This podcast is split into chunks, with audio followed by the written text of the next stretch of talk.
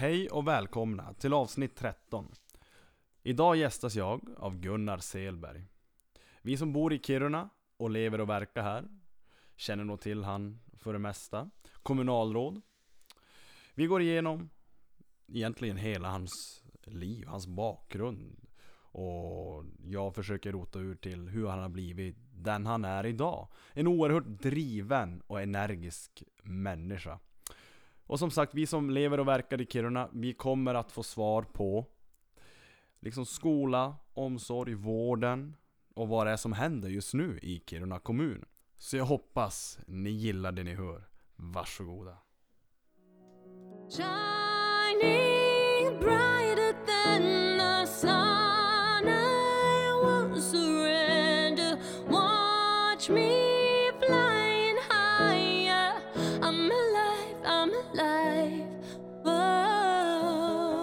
Nej men vi, vi kör väl igång. Ja. Du, har, du har säkert fullt upp så. Mm.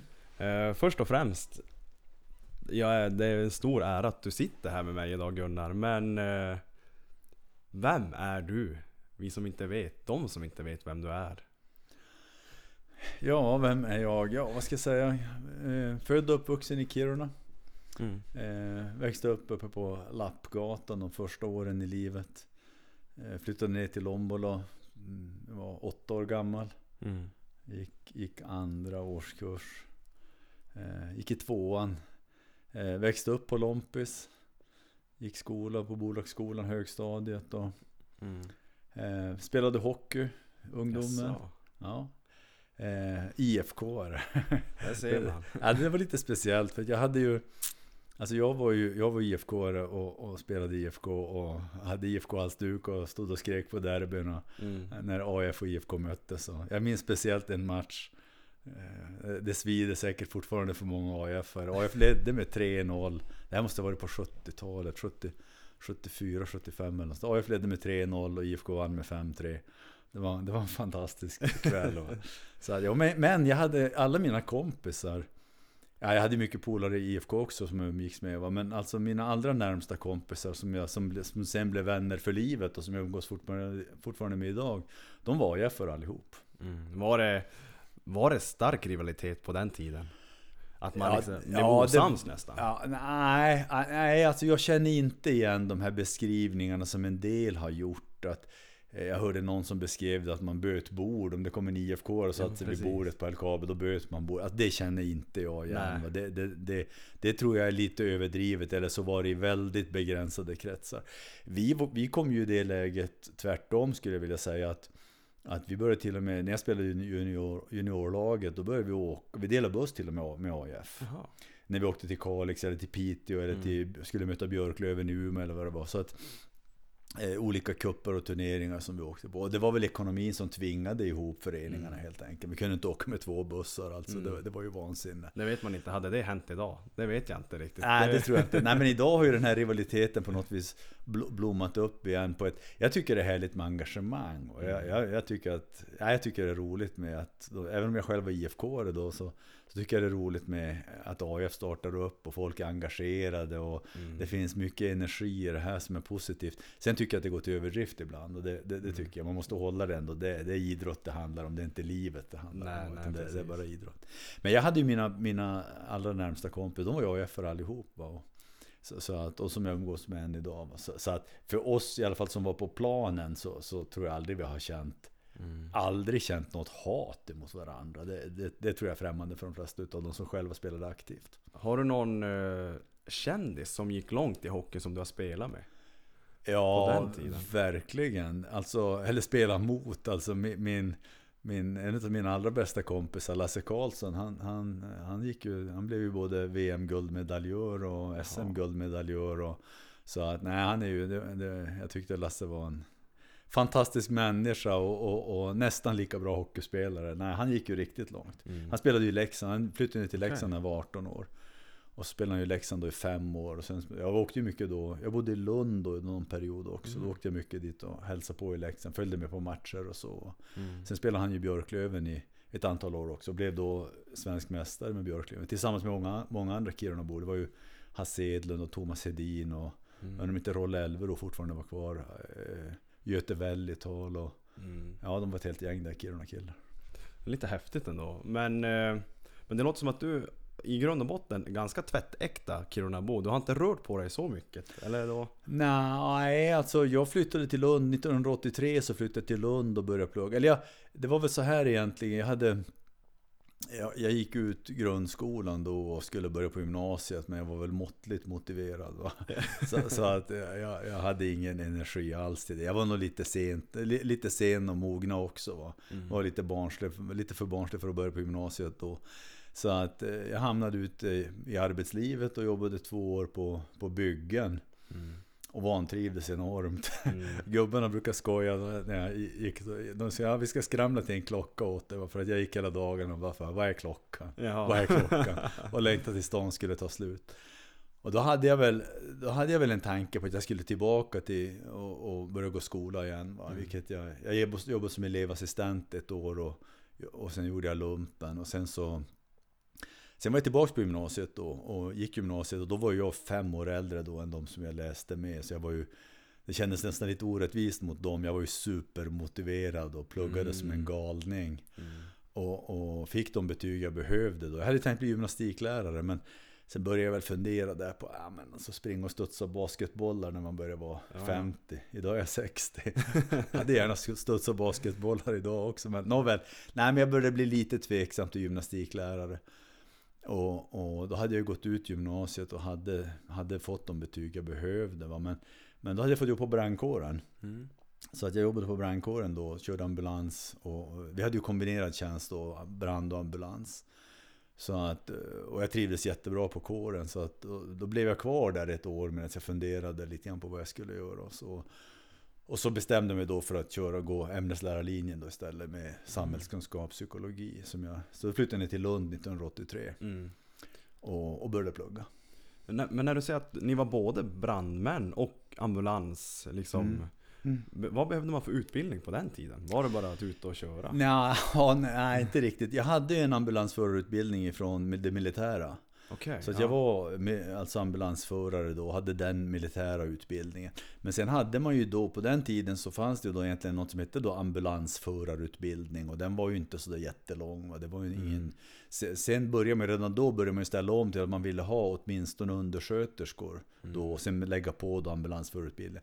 Men vi hade mycket intern utbildning. Det var ju sån här... Ja, vi hade ju varje vecka så hade vi olika typer av internutbildningar då. Va? Mm. Där man övar hjärt-lungräddning och, och lite olika sådana här saker. Så att, och, och sen gick vi på brand, brandtjänst ibland och ambulanstjänst ibland. Det var lite Mm. olika. Jag Hur- bytt. ja. Ja, förlåt.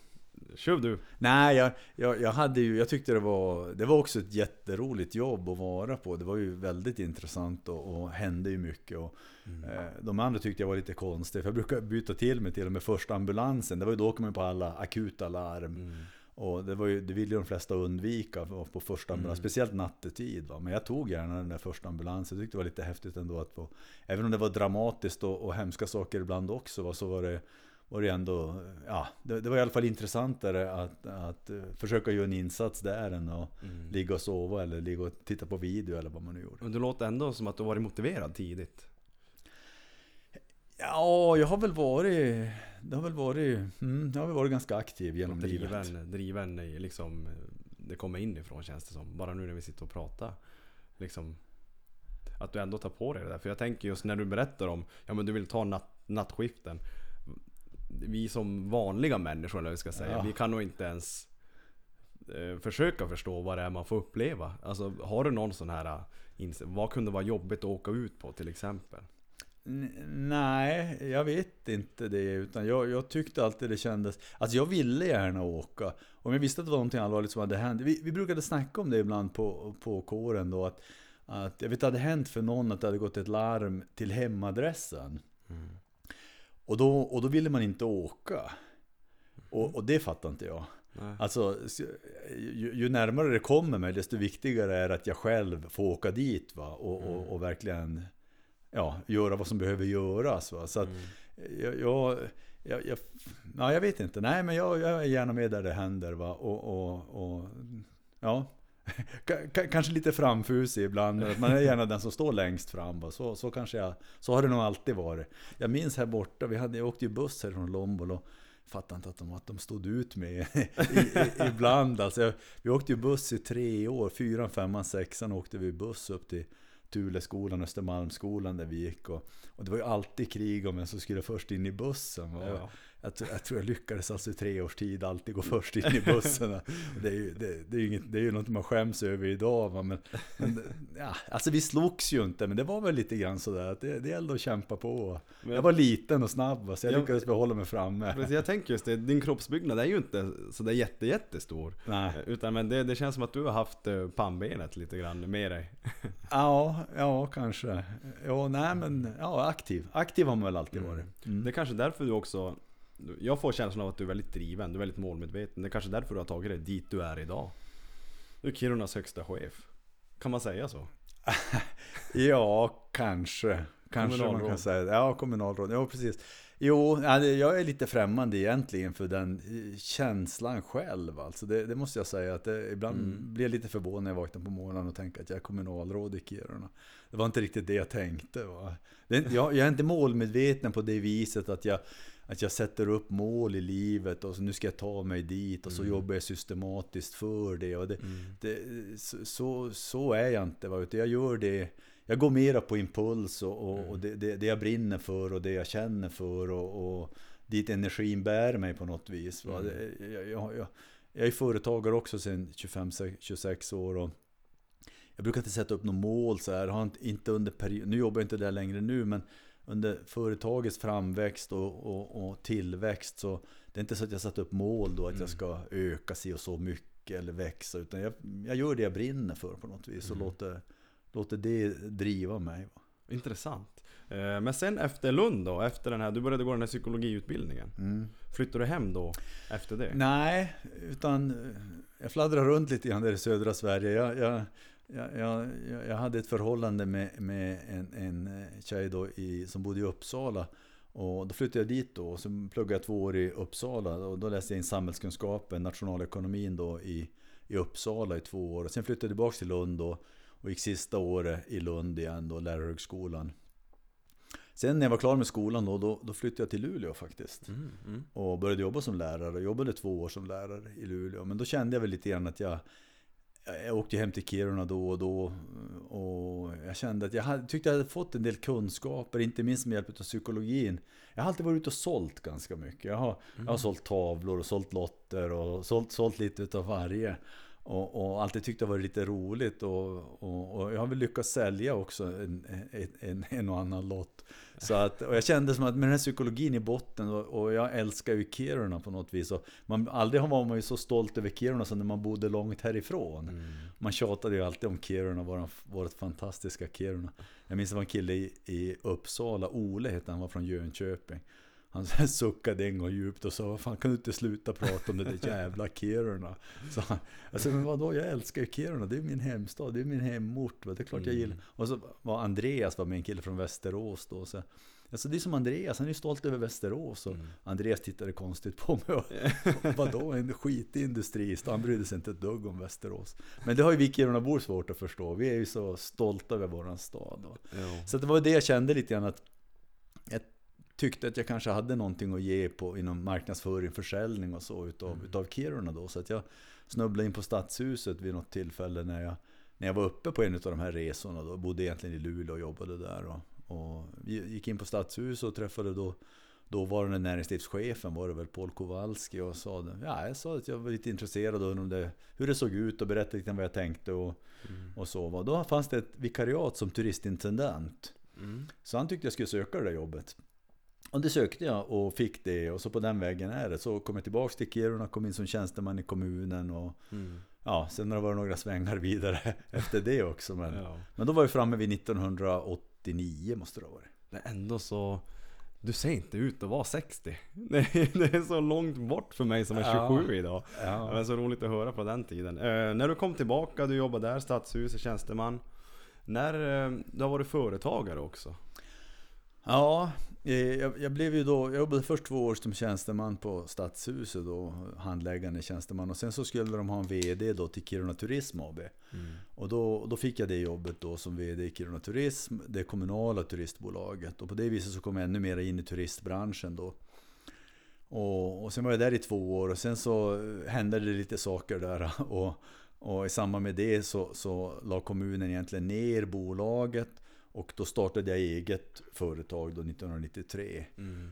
Kiruna Guidetur. Och det var från det då som, som jag blev egenföretagare. Men det är ju svårt, alltså små företag, speciellt inom turistbranschen, det är ingenting man lever på. I alla fall inte i början. Okej. Så att jag, jag då ringde jag från Komvux då faktiskt och sökte en samhällskunskapslärare tror jag det var.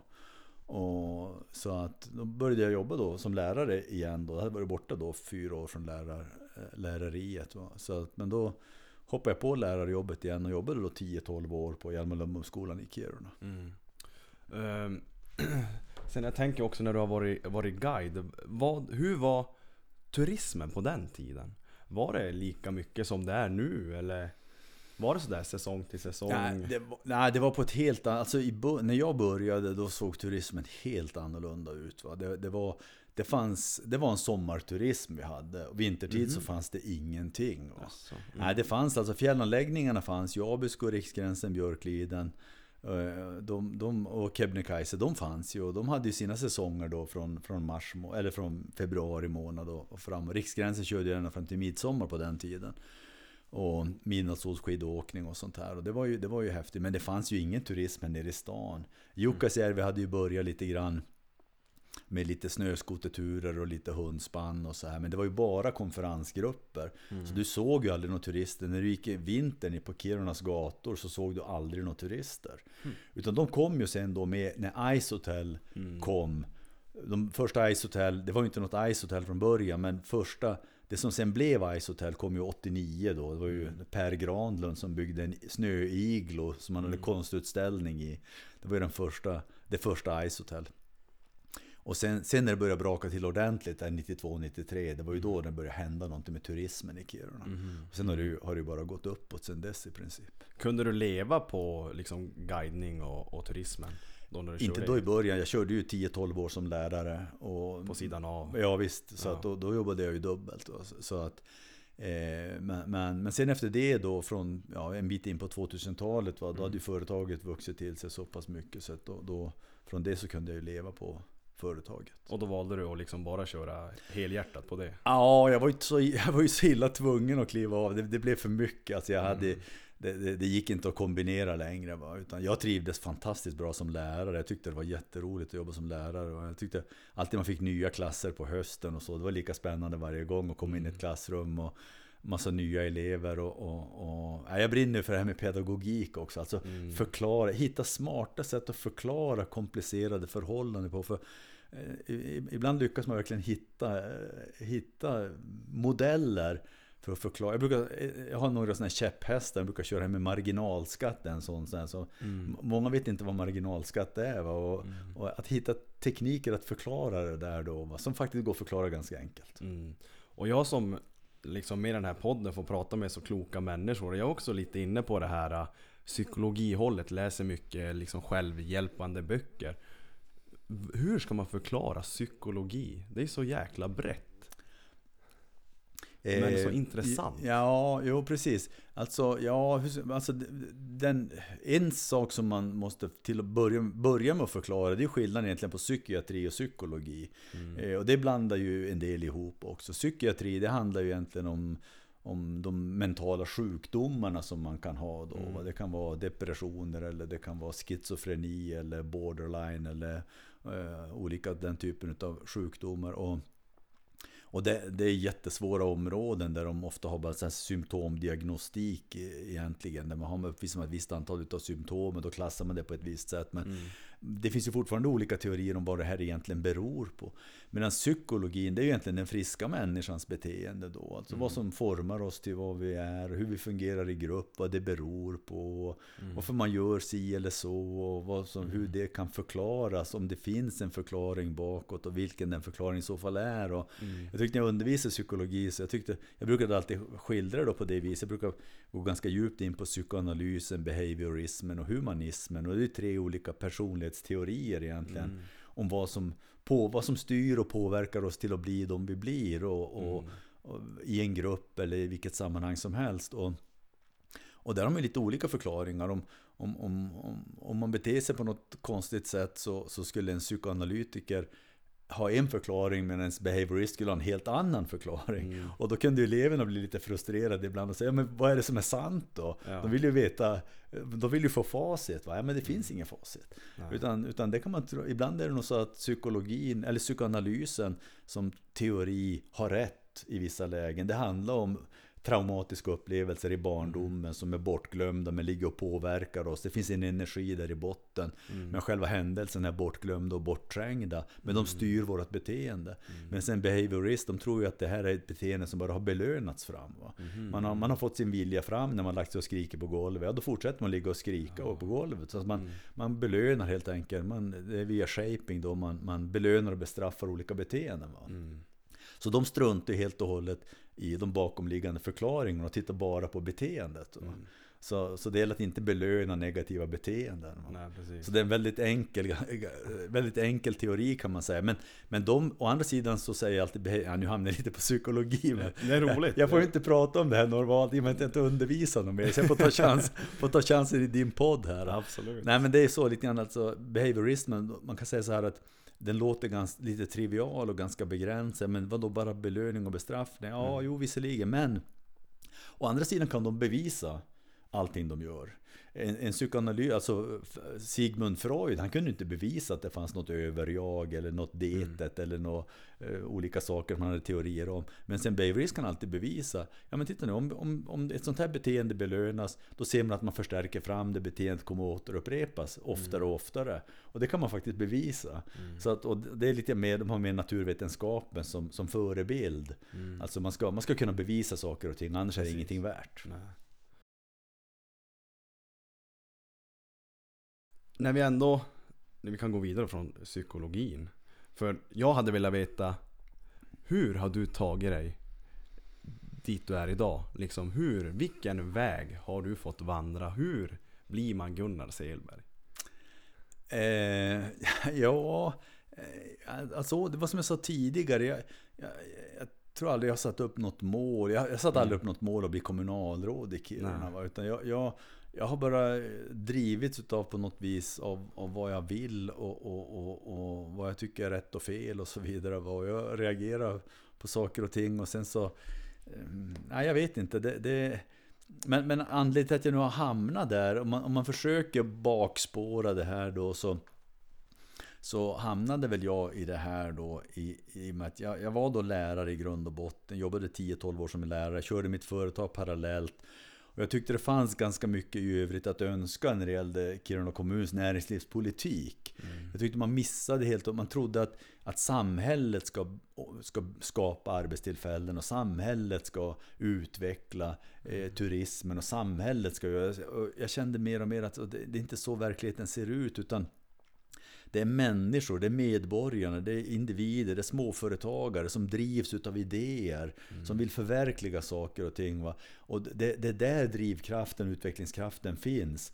Och kommunen ska bara hålla fingrarna borta och, och se till att, att de som vill utveckla saker och ting, affärsidéer, Försök, ge dem förutsättningar, inte, definitivt inte några ekonomiska stöd eller någonting sånt. Utan företag ska stå på egna ben och man ska ta, själv ta risken. Det ska inte skattebetalarna göra. Men behöver man ett bygglov eller behöver man ett tillstånd eller någonting sånt. Då ska såklart myndigheten vara jättebra på att se till att det fungerar smidigt och man får de här möjligheterna, man får förutsättningarna att, att utveckla det som man vill utveckla. Och, och det där tyckte jag var så trögt i Kiruna och, och det var väl därför jag engagerade mig politiskt till slut. Och jag ringde Stefan Thornberg då som var ordförande i Centerpartiet och, och sa att jag, jag har ju vuxit upp i ett socialdemokratiskt hem kanske. Eller det är inte heller riktigt sant för att mamma var inte socialdemokrat men, men pappa var i alla fall socialdemokrat och engagerad sosse och han var, mm. han var satt som vice ordförande i omsorgsnämnden. Och, och jag definierade mig själv också som socialdemokrat i unga år. Eh, Men, men sen kommer mer och mer det här som jag pratade om, det med drivkraften och så. Jag blev mer och mer liberal och inser alltså det, det är alltså, låt människorna välja själv i större utsträckning. Va? Det, det, det, blir nog det bästa samhället. Men vi ska alltid ha den här tryggheten i botten med skola och sjukvård och samma villkor när det gäller sådana grundläggande saker. Och då jag ringde Stefan Thornberg och, och, och sa att jag var intresserad av att engagera mig politiskt då i Centerpartiet. Så att, Och jag sa väl åt Stefan också att jag är beredd att ställa mig som nummer två på den här listan, men inte längre ner än två. Jag tänkte att två mandat ska vi nog kunna få. Centerpartiet hade ju varit utanför fullmäktige då i åtta år. Vi hade 0,7 procent av rösterna då inför valet 2002. Men jag tänkte nu ska vi kunna få två mandat. Så att jag kommer in i politiken och får vara med och påverka. Och, eh, så att jag, och då visade det sig att när jag väl gick med i partiet, det var ju inte det var ju ingen kö dit. Va? Det var ju, Okej. De var ju jätteglada att det fanns någon överhuvudtaget som var beredd att stå på den där listan. Så att jag hamnade ju som nummer ett då. va. Det fanns ju ingen annan som ville stå på den platsen. Så att, och, ja, och sen, sen så var det väl bara tillfälligheter som gjorde det. Det gick bra för oss i valet. Vi fick, fick förtroende från Kirunaborna mer och mer med åren. Och då har vi bara hamnat där jag är. Va? Det är ju egentligen ingenting som, Mm. som, som jag har siktat mot och så. Men, Nej. men om, om, jag, om jag tittar tillbaka på Om jag tänker tillbaks på tiden redan från, från grundskolan så, eh, så, så är det nog, jag tror att jag vet, inte vilken, jag vet inte vilken ände jag ska börja i men när jag, tra, när jag träffade mina gamla klasskompisar, vi hade någon sån här eh, återföreningsfest för länge, länge sedan. Va? Och, och då tyckte de lite grann ungefär som att Ja men, alltså, ja men det kunde man ju förstå att du skulle då, det var innan jag var kommunalråd i och för sig, men att jag lite grann skulle vara där jag var då, egenföretagare och långt fram i politiken och så här. Och, och jag tyckte som, ah, det där är nog lite en efterkonstruktion. För jag menar, jag satt ju utkörd i korridoren hela grundskolan. Jag, jag fick ju i princip, det var ju bara Gunnar ut! Så, alltså jag kunde inte vara tyst och jag babblade. Och jag, var, jag var nog inte, jag var nog inte så jättebesvärlig, jag var inte bråkig och så här, men alltså aktiv. Ja. Och, och babblade och hade synpunkter och, och, och så vidare. så, att, så, så att jag tror min väg dit jag är har nog varit ganska så krokig jag skulle vilja säga. Och det, Mm. ja, På vilket sätt krokig? Alltså menar du då liksom i, på, i, dåligt, i dålig väg eller liksom bara du har fått jobba hårt för att komma dit du är? Har, det har du fått bakslag på vägen eller att någonting inte har gått som du velat? Eller? Nej jag vet inte vad jag ska svara riktigt på det. Jag tycker inte att jag har fått någon... ba- Alltså jag har väl haft ganska tufft ibland va, men det får jag skylla mig själv alltså. Utmanar man makten så det, sticker man ut hakan så det är klart folk passar på att klippa till. Kan du va. ta något exempel på just det? Ja, men jag hade, jag hade till exempel när jag, när jag pluggade nere i Lund så, så det var sista året på lärarhögskolan. Jag tyckte lärarhögskolan var, den, den var, den var måttligt bra. Det fanns förbättringspotential skulle man kunna säga. Och jag var jätteintresserad av pedagogik. Jag tycker pedagogik är superintressant. Som jag sa tidigare, alltså hitta tekniker att förklara komplicerade förhållanden på. Inte bara lära sig en massa fakta utan till som man sen glömmer bort. Utan verkligen få en, en, en känsla av förståelse och insikter, kunskaper och, och förstå hur saker och ting hänger samman. Jag tycker det är jätteintressant att förklara sånt. Och lärarhögskolan var inte bra. Va? Nej. Och, och då var jag hemma då över jul och nyår. Och så fick jag ett vikariat på Hjalmar Lundbomskolan då. Och jag var ju nästan färdig lärare så att jag kände mig, det var jätteroligt att få det där. Och jag tyckte det ger mig mycket mer det om jag stannar hemma då, det tror jag två, tre veckor. Om jag stannar hemma och, och jobbar då istället för att gå på lärarhögskolan där i Malmö som, jag, som inte var så bra. Så att nåväl, eh, det, sen när jag kommer ner till Malmö igen då och, och tar kontakt med mina lärare och undrar vad jag har missat för någonting och vad jag ska, ska ta in och så. Vad jag behöver ta igen. För det går ju såna här löpande tentor. Har man varit någon tenta då kan man ju gå på nästa tenta som går och så vidare. Det är som inte någon st- större dramatik i det där. Men jag hade ju varit ganska... Ja, jag hade väl... Det hade väl lyst igenom vad jag tyckte om den här skolan. Va? Så att de var väl inte så jätteförtjusta i mig då. Eh, alla lärare där va, som jag tyckte höll, höll måttlig kvalitet. Eh, och, så, så att det där slutade med att då var det någon datakurs på två timmar som, som jag skulle ta. Och jag pratade med dataläraren där och, och han sa, nej men det är inga problem sa han. Jag har de här kurserna hela tiden va. Så du kan anmäla dig till vilken, vilken kurs som helst här under våren. Ja, så jag åt honom jag sa, det kanske inte blir så lätt. För jag hade ju förstått då att nu är de sur på mig va. Okej. Jag har struntat i skolan, stannat hemma och jobbat i tre veckor eller om det var två veckor. Och, alltså, och, och sen var jag, det, så hade jag varit uppkäftig. Och det, Okej, det ja. gillade de inte. Så, så att, så, ja, det, då ringde han hem till mig, den här dataläraren en gång och så sa han det. Ja, sa han, alltså du, jag är ledsen, sa han, men du har nog faktiskt rätt. Så han, nu har Urban Åström, han var rektor på skolan. Han faktiskt uttryckligen förbjudit mig att ge dig den här utbildningen. du måste komma tillbaka till hösten och göra det här. Och höst, jag skulle ju ta examen då till, på våren, till Ja. sommaren skulle jag ta examen och sen skulle jag börja jobba. Och så skulle de tvinga tillbaka mig och jag tänkte, men nu jäsikens, nu, nu är det krig. Mm. Och, och det blev det också. Och jag ringde Aftonbladet, jag ringde Rekordmagasinet och jag laddade upp allt jag bara hade. Var att nu jäs- jäsiken ska de få sig. Så jag, menar, jag hade så mycket material, jag hade hört så mycket dråpliga historier om undermålig kvalitet på denna skola. Okej. Så jag hade massor av exempel att berätta om. Så att jag var in till rektorn där en dag så sa jag åt honom det att Ja, det låter kaxigt och det var det väl kanske också. Jag sa åt honom det. Och du sa att, jag vet hur ni har hållit på att krångla med elever under er tid här på, på skolan. Så, men nu har ni hoppat på fel person. Så jag. Det här kommer ni att få ångra. Och sen smällde jag igen dörren och gick ut. Va? Och, och, sen, och sen var det ju alltså fullt krig. Då. Eller krig, alltså inte på, på det viset. Men, men, men jag höll ju på att ladda och han sprang just den här, Jag var inte den här eh, personalkonsulenten någon dag. Och, och hon skrattade när jag kom in där. Och så, ja, jag fattar inte vad det var. Jag menar, så här, vad, vad har du gjort med Urban Åström? Det var ju rektorn då. Ja, vadå då? Så jag som att, nej men så, han har, jag har jobbat här i åtta år, han har aldrig varit in på mitt kontor. Nu springer han här hela tiden och frågar om vad du håller på med. Så, så att det var väl en, men sen de, de, ja det löste sig det där, jag behövde inte komma tillbaks utan jag, jag Ja, jag, jag, jag fick min vilja igenom. Jag behövde aldrig gå den där datakursen. Utan Ja. jag fick tillgodoräkna mig någonting annat. Ja, men sådana där saker, det är ju ingenting. Ja, då hade jag en del kurser som, de skakade ju bara på huvudet åt mig och tyckte som att Alltså, du gör det ju bara jobbigt för dig. Ja. Alltså var- varför ska du hålla på och tjafsa? Ja, ja. Alltså, behöver inte säga vad du tycker. Det blir ju bara jobbigt. Va? Mm. Och det, det hade de väl rätt i. Men alltså man, man samtidigt så... Mm, nej, man måste få säga vad man tycker. Ja men jag tycker också det och du, du känns himla rak och liksom ärlig och öppen. Hur var du som lärare då? Har, har det blivit mycket bråk eller krig där? Har du varit sträng? Nej, nej, tvärtom tror jag. Nej, jag, nej, jag, jag hade... Nej, jag, jag vet faktiskt. Det, det, det ska jag kanske inte själv bedöma. Men jag tror faktiskt att jag har hört ganska mycket ganska ja, vänliga kommentarer under åren och- om, om min lärargärning. Alltså. Och jag tror var framförallt Ja, dels att jag gillade att jag, gillade, jag ville ju verkligen att de skulle förstå. Och det är klart, det blir stimulerande för eleverna att, att få lära sig, att få det förklarat för sig, saker som de inte har förstått och, och sånt där. Så får de, ja, det, det, det måste ju vara roligt. Och sen, så, och sen tror jag att de uppskattade mycket också mitt engagemang. Jag ville verkligen att de skulle förstå. Va? Jag, jag gick inte in och rev av min lektion och sen så var jag klar. Utan, utan jag, jag, jag gav allt. Alltså. Jag, och jag tyckte det var så kul alltså, att, att förklara. Det, det ligger något speciellt i den pedagogik. Va? Så att, så när sträng var jag absolut inte, tvärtom. Jag var nog lite för slapp. Alltså jag, Okej, ja. ja. men jag, bruk, jag var ju på gymnasiet också. Jag brukade säga till eleverna ibland, men jag måste säga att för mig spelar det egentligen ingen roll om ni kommer hit eller inte. Jag får ju min lön ändå. Va? Så, utan jag säger, det är ni som ska ställa krav på mig. Det är inte jag som ska kräva att ni ska komma hit. Va? Utan det är ni som ska kräva att jag ska komma hit. Och att jag ska vara en engagerad, duktig lärare som faktiskt förklarar och hjälper er. Det är ju, kravet ska ju komma, jag säger, det är ju era föräldrar som betalar min lön. Det är ni som ska ställa kraven på mig. Ja. Och inte jag på er.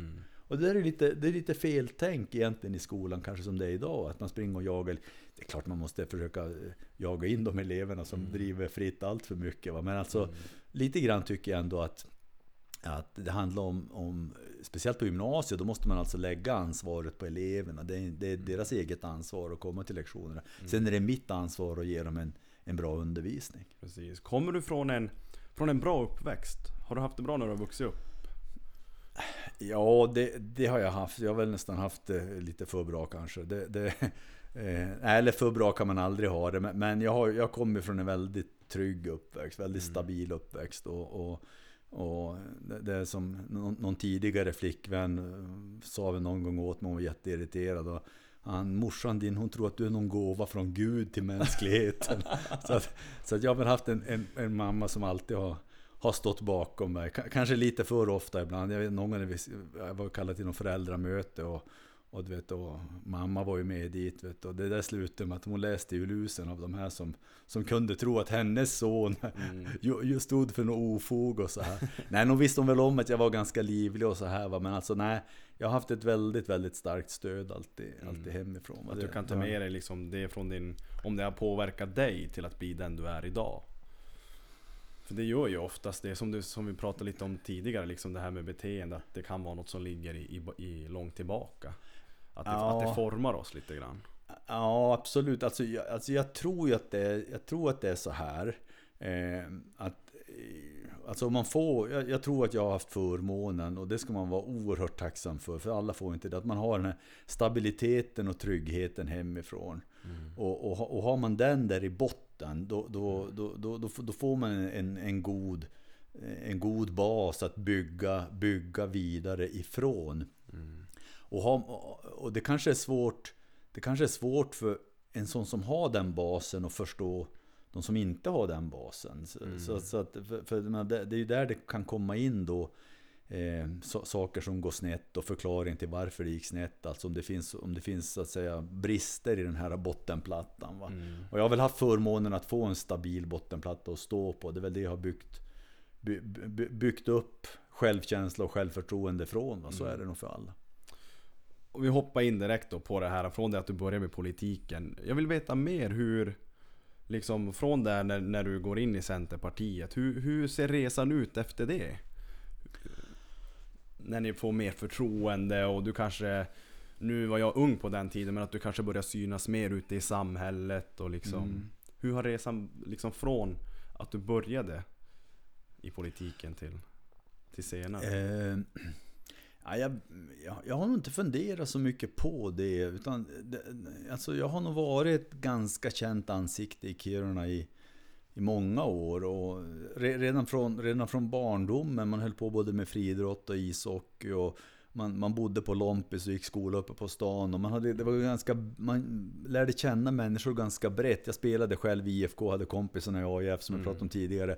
Så jag har haft väldigt, väldigt mycket, bre, mycket kontaktytor utåt. Så jag har väl varit ganska van att, att vara att folk har vetat vem man har varit och så. så Skillnaden blev inte så stor egentligen med politiken och vi växte oss större, växte oss större och större. Det är klart att jag har blivit ett mer och mer känt ansikte. Inte minst via annonsbladet. Många Kirunabor som har varit less på att se min nuna där i annonsbladet vecka efter vecka. Skillnaden är väl den att jag märker nu när jag är nere i länet så, så märker jag ju eh, Även om jag går i Luleå eller i Boden och så, så ser jag att folk känner igen en. Va? Man, man ser att folk tittar och så tittar de en gång till. Va? De känner igen ett, ett bekant ansikte och så. Va? Så, så att, eh, men jag, jag vet inte. Jag, jag, jag, tycker inte skillnaden har varit så stor egentligen. Utan jag, har, har- jag har väl bara knallat på i, i Däremot så kan jag tycka att det är en skillnad nu. Det finns en del som tycker att, det har jag väl hört nu en del som har sagt att nu när jag sitter som kommunalråd, eller en del kanske inte, men i alla fall någon, så börjar vi prata om huruvida jag hade förändrats då. De skojar lite grann med mig åt nyårsrevyn också om det här med förändringen. Men, men, men så är det ju. Alltså, det, jag har ju en helt annan roll idag. Alltså idag ska jag ju hålla ihop en majoritet. Idag sitter jag som ordförande i kommunstyrelsen. Eh, Vi har majoritet i kommunstyrelsen. Mitt jobb det är att hålla ihop den här. Eh, Att lyssna på allihop, försöka få ihop kompromisser emellan oss. Vi tycker inte likadant allihop och, och jag är inte den som kräver att de ska tycka som jag tycker. Utan jag, tror att jag, jag tror att jag är en hyfsat god lyssnare. Även om folk uppfattar mig som att jag kanske tar väldigt mycket plats så betyder inte det att man behöver vara burdus och, och alltid köra på i någon arrogant stil. Va? Så att, eh, medan när jag var i opposition då var det ju så mycket enklare. Då kunde jag ju jag kunde bara gå upp och säga vad jag tyckte hela tiden. Eller gå ut i annonsblad och säga vad jag tyckte. Det var bara att köra på. Därför att, och det var ju mitt jobb också, ser jag det som. Alltså att tala om för Kirunaborna, så här tycker jag, det här skulle jag vilja göra. Om ni röstar på oss, då ska vi göra så här. Och, och i, idag sitter jag i en helt annan situation där det handlar om att hålla ihop en majoritet. va. Och vi, vi gör, det har väl gått i och för sig bra. Va? Det tycker jag, och även i partiet har det också fungerat väldigt bra att hålla ihop partiet. Det ju, politiken kan det vara lite splittrat ibland. Där det blir lite avhopp och konflikter och sånt där. Och de har vi faktiskt sluppit. Vad fick dig att välja just Centerpartiet? Ja, jag, jag hade ju blivit alltså, mer och mer liberal. Men liberal, det är, det är ju nästan ett skällsord i vissa kretsar. Alltså vara liberal, det är egentligen att, att vilja att människor ska själv få välja i Absolut. större utsträckning. Politiker ska inte bestämma åt folk. Nej. Utan låt människor välja själv i större utsträckning. Men, men att vara liberal i Sverige, som jag ser det då, då, då jag, jag är mer liberal. Det betyder att jag tycker att människor ska få välja själv.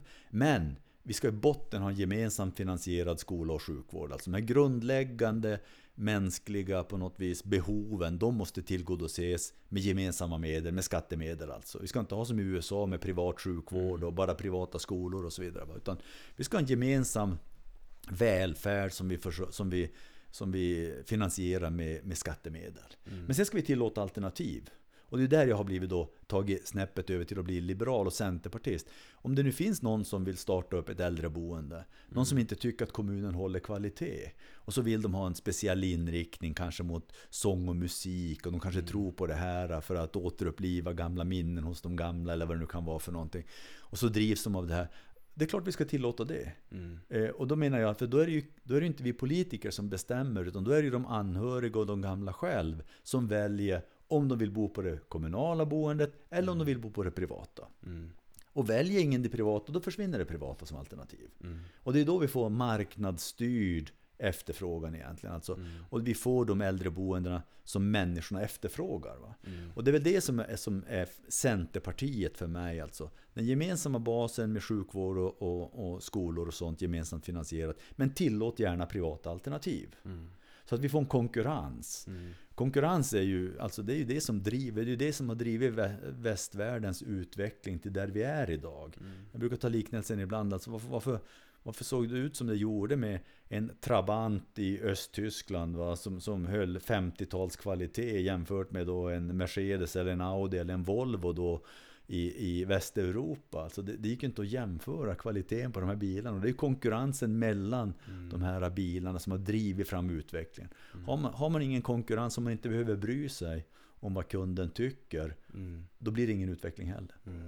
So call me a cynic, call me a bummer. I don't wanna be that way anymore. This life that I've been living, living without color, ain't a life worth living. Har du haft någon förebild? När du ändå, liksom från det att du växte upp i en socialdemokratisk halvfamilj och sen själv med politiken. Nej, in, ingen politisk förebild har jag haft. Nej, nej. Ingen du ser upp till som du liksom kan dela dina... Som du känner att ja men han är, han är klok, han är vettig. Vi tänker likadant.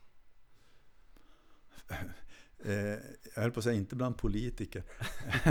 nej men alltså, nej jag, jag har, jag är nog, det låter nästan lite arrogant men, men, nej, men jag är nog dålig på att ha förebilder. Men jag kan ju, ibland kan jag ju höra människor som jag imponeras utav. Alltså, och då, men då, jag, det är väl ingen politiker direkt som dyker upp i mitt huv, huvud som, som, som, som, som en förebild i sammanhanget. Men, men jag kan ju tycka att det, det, det är klart att man hör oerhört kloka människor ibland. Leif GW Persson, det är ju en fantastisk person bara. Han är ju bara, han, det är ju min idol i så fall. Det, det är väl det som är min förebild i så fall. Nej, men han är ju bara så underbar i sin, i, i, i sin inte minst i sin, i sin formuleringskonst, alltså när han uttrycker sig. Alltså han, han är, jag minns, han satt i, det, här, är- det här är ganska länge sedan de pratade om någon Ja, det var något mord eller vad det nu var för något. Det var någonting som hade hänt i alla fall. Och Leif GW skulle prata om den här personen. Och så, och så säger han då på sin stockholmska där att, ja, att är förmodligen någon person som har fått en patologisk... fi- Jo, de pratar om Palmemordet, så var det. Ja, det kan vara någon person som har fått en patologisk fixering till Palme. Det, ja, för, för, för, förlåt, vad, vad, vad menar du? säger då journalisten. Ja, men det är någon jävel som har tänt snett på honom helt enkelt. så, så han slänger sig mellan den här ytterligheten i sitt Ja, språk. Och jag tycker han är underbar. Och så är han ju så, han är så oerhört rak. U- Utan att på något vis kanske ens veta om det. Va? För, att, för han är det bara så naturligt att säga det han tror hela tiden. Va? Och inte linda in någonting i någonting. Utan han, han är så... Och, och, och dessutom den här sakkunskapen i botten. Han är så enormt imponerande. Alltså vilken, vilken briljans alltså. Jag tycker han är... Han Han, han, nog vara, kan vara bland av Sveriges mest omtyckta personer skulle jag tippa. Ja, jag kan tänka mig det. Ja. Eh, Men ert Centerparti, när började det växa? När liksom började det bli kö till alla poster igen? För du sa ju att du liksom Ja nej det är bara att komma in och nu står du där du är. Ja, det, alltså det där har, har väl inte varit några långa köer till. Det, det där är ju ett problem. Det där kan jag ju känna ibland en frustration. Att, att när man ser, det är någonting som, som kan såra mig lite grann. Alltså man, man läser på Facebook en massa kommentarer direkt. Om man har blivit politiker, va, då är man ett svin. Va? Och då är man en, en person som man, får, som man får spotta på. Och som man får säga vad som helst om. Va? Jag tycker det, det, det, är, det är märkligt att man har den bilden. Va? Att man tar sig sådana friheter. Att eh, stå offentligt och spotta på andra utan att ens känna dem. Men- Och det, det har man ju fått känna som politiker. Ibland, ibland brukar jag, jag brukar ganska ofta svara. En person som skrev, här är något år sedan, så då började jag faktiskt skriva ganska, ganska tydligt tillbaka. Jag sa, hur kan du skriva det där om mig? Känner du mig? Har du och jag någon gång pratat ens med varandra? Kan du säga någonting överhuvudtaget som är stöd för den här uppfattningen om att jag skulle vara så som du beskriver mig? Va? Han försökte ju lite grann, så jag fortsatte så att säga. Och till slut så försvann han bara. Och, och sen har han inte dykt upp något mer med några nå elakheter. Va? Men, men det där är, kan vara otroligt frustrerande. Va? Och det, det, finns, det, det kommer då och då sådana här personer som, som, som, som dyker upp med och tar sig sådana friheter mot politiker. Och jag är ju en av de som nu är, har egentligen alltid varit ganska gynnad. Jag menar, jag har en bra lön idag och, och har det bra som politiker. Även om priset är att jag får ta mycket skit också, va? Men, men det klarar jag av. Eh, men alltså det finns ju det finns ju folk som lämnar politiken därför att de tycker att det är så obehagligt. Alltså det, man, det man stöter på på Facebook, det de skriver om en på Facebook. Och då ska de veta det, jag kan passa på att säga det för dina eh, poddlyssnare. Heter det poddlyssnare? Jajamän. Poddlyssnare. Vi kallar det så. Ja, eh, alltså det, det, om, om du har en fritidspolitiker som sitter med i fullmäktige. Då får de ut handlingarna en vecka innan och det är ganska mycket att läsa. Och alla läser säkert inte allt, va? men det är många som, som lägger ner kanske två kvällar, kanske tre kvällar på att läsa handlingarna och försöka se vilka ärenden det handlar om.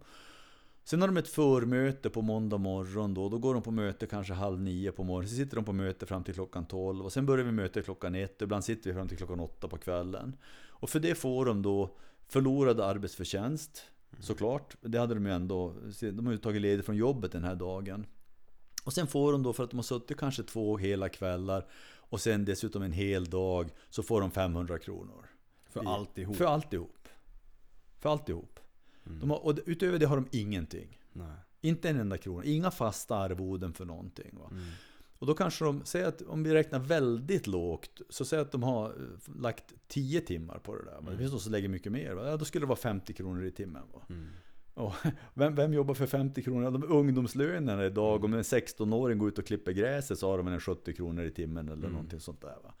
Och, så, och, så, och så behandlar man de här människorna med ett sånt förakt. Och det, det, det sårar mig och det, det, det gör ont i mig när, jag, när, när man ser sådana kommentarer. Va? Och, det, och det, det avslöjar en sån total okunnighet också om, om hur det Verkligen. fungerar. Alltså då, Så att, ja, det, jo, det kan svida. Nu, ta, nu glömde jag bort din fråga egentligen. Ja, nej. jag tror du frågade någonting Ja, annat. det, Ja, var- vi pratade om Centerpartiet och hur vi ramlade in på det. just det. Hur vi, Ja. vi hade, ja, just, det. ja, det blev lite stickspår. Ja men det, det, Jag, jag diggar det här supermycket. Ja. Men jag tänker just när det kommer till, för det första, det är ju vidriga människor som liksom tar sig friheten. Det är helt sjukt hur sociala medier kan liksom Mm. förstöra liv. Ja, ja. Men har ni liksom, funkar det så i Kiruna? Har ni gemensamt i, i kommunen att de som utsätts för det här ska ha chansen att kanske gå och prata med någon om de liksom börjar må dåligt? Att ni, ni blir utsatta för sådana här smutsiga påhopp? Eh, nej, vi har inte det. Men faktiskt så, så har jag precis nu så har jag lyft den frågan. Och det är efter det att Sanna, eh, en, en av politikerna i Vänsterpartiet, hon lyfte upp det på vi, hade, vi träffade revisorerna här för ett par veckor sedan och då lyfte hon upp, då kom vi in på det här och hon berättade lite grann om vad hon fick stå ut med. Och jag blev jätteberörd utav, utav det där, det hon berättade. Och jag sa det att det är inte okej alltså. Det här måste vi lyfta upp och det här måste vi prata om. För att så här får det inte vara. Och det, det är klart, vi kommer ju aldrig kunna, vi kan inte hindra folk från att skriva och, och bete sig illa. Va? Det kommer säkert en del att fortsätta att göra. Men det är viktigt på något vis att, att i alla fall möta det va? Och, och, och, och parera för det. Och, och i den mån de tror att det är en sån där gynnad överklass på något vis va? Så, så är det viktigt att de får veta sanningen. Va? Och är är det så att de nu själva tycker att de är så briljanta och skulle vara så mycket bättre så är de så välkomna. För att, det var som jag sa tidigare på din fråga, det här med kö. Det är verkligen ingen kö till de politiska partierna. Utan det, partierna, de tjatar och tjatar och tjatar om att få människor att ställa upp och ta ansvar, komma på möten och så vidare. Va? Det är inte lätt. Va? Så de som vill engagera sig politiskt och vara med och ta ansvar och ha ett inflytande. De är så välkomna i alla partier. va. Så, så att jag hade haft lättare att förstå den här bitterheten hos en del om det var så att det var någon överklass som var ouppnåelig på något vis. Det sitter någon aristokrati där uppe som har fått makten gratis och de har det så mycket bättre än oss. Och det är klart, det hade skapat en bitterhet. Men nu är det inte så, utan de är så välkomna in. Alla som, som är på Facebook och på, i andra, på andra ställen och har synpunkter och, och tror att de har någonting att bidra med. Va? De är så välkomna. För att bli, liksom, om jag nu vill eh, gå med liksom, nu ska jag bli politiker. Mm. Behöver jag någon sorts utbildning? Hur ska jag bli en politiker? Nej, ingenting. Utan i, det, i det, vårt demokratiska system så pratar vi om den representativa demokratin. Och med det menar man ju egentligen att vi vill, det, det är bra om vi får in vissa som är helt outbildade, som inte ens har gått ut gymnasiet. Så Kanske, har, kanske inte ens har gått grundskola. Det är bra. Därför att då har vi någon som representerar de grupperna. Då kan ju de förklara hur situationen är för dem när de söker jobb eller när de ska göra någonting annat. Va? Vi, vi behöver högutbildade, vi behöver arbetslösa, vi behöver lärare, vi behöver allting. Det är det som är den representativa demokratin. För att demokratin ska fungera bra så är det bra om vi har människor från alla olika grupperingar. Och, och det är jätteviktigt. Jag lyssnade på ett radioprogram av Göran Elmbrandt för, för något år sedan. Han hade en jätteintressant föreläsning där han sa, och han hade så rätt. Va? Då sa han så här att att den representativa demokratin den byggde egentligen på att byggnadsarbetarna de utsåg, de valde som en representant och villaägarna slog sig ihop till föreningar och valde en representant och byggnadsarbetare och eh, olika grupperingar i samhället, pensionärer bildade pensionärsföreningar, valde sina representanter och så vidare. Och sen så sen kämpade de här representanterna för sina medlemmars intressen. Mm. Och vad Göran Elmbrandt sen sa, då suddade han ut den här linjen mellan de här där nere och de representanterna. Alltså vad som hänt på senare år är att nu har de här representanterna här uppe, de har fått mera gemensamma intressen med varandra än med sina medlemmar. Och det där är så sant. Det, det, och det är det som skapar kanske den här bitterheten hos de här medlemmarna också. Man märker att representanterna har ju klippt med mig. De, de, de, de är ju där uppe och, rep, och representerar någonting annat. Men det där jag menar att, att det är det är öppna kanaler rakt in till de politiska partierna. Det är bara att gå med. Va? Försöker du i ditt läge idag eh, få folk att komma liksom till, till er eller liksom till andra partier? Försöker du på något sätt sluta upp de inte- unga? In, inte systematiskt. Det, det, jag hade ju önskat att jag, hade, att jag gjorde det kanske, men, men inte systematiskt. Men, men får jag chansen att prata om det så tar jag ju alltid chansen. Är jag ute på någon skolklass och så, så pratar jag alltid om demokrati och, och hur det här systemet fungerar, och hur det är tänkt att fungera och hur viktigt det är att man faktiskt försöker engagera sig. Och, och det jag brukar säga åt folk också, för att, och det där är också en sak som jag tycker är jätteviktig. Därför att idag lever vi i ett jättekomplicerat samhälle. Och kommer man in i kommunen så kan en politikerutbildning skrämma iväg nästan vem som helst. Varför det? Ja, men, ja, men det, det är det som är så tokigt. Va? För att jag brukar säga åt, åt då, när folk säger men jag kan ingenting, säger de. Jag säger du behöver inte kunna någonting. Nej. Det, du ska bara vilja någonting. Alltså, vi behöver människor som vill någonting. Så, som, som har idéer och tankar. Och, och, och sen, ska vi, sen har vi en organisation med tjänstemän som stöttar. Vi har delegationsordningar och vi, vi har massa olika saker som, i det här systemet som stöttar.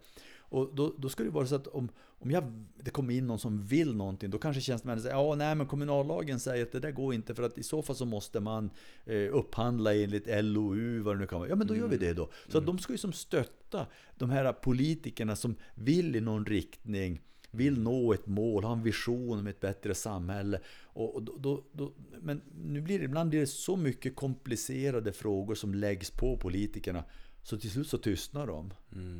Och det, och det är jättefarligt. Va? Man, man, ska inte, man ska inte behöva känna att det finns en massa krav på mig att jag ska kunna en massa saker. Utan eh, det är såklart bra om man kan mycket, men, men, men det viktiga är på något sätt att man har en vilja och en vision och, och, och, och, och så. Och sen, sen har ju alla lite specialkunskaper. Jag har ju mina kanske inom näringsliv och turism och inom skola och så. Va.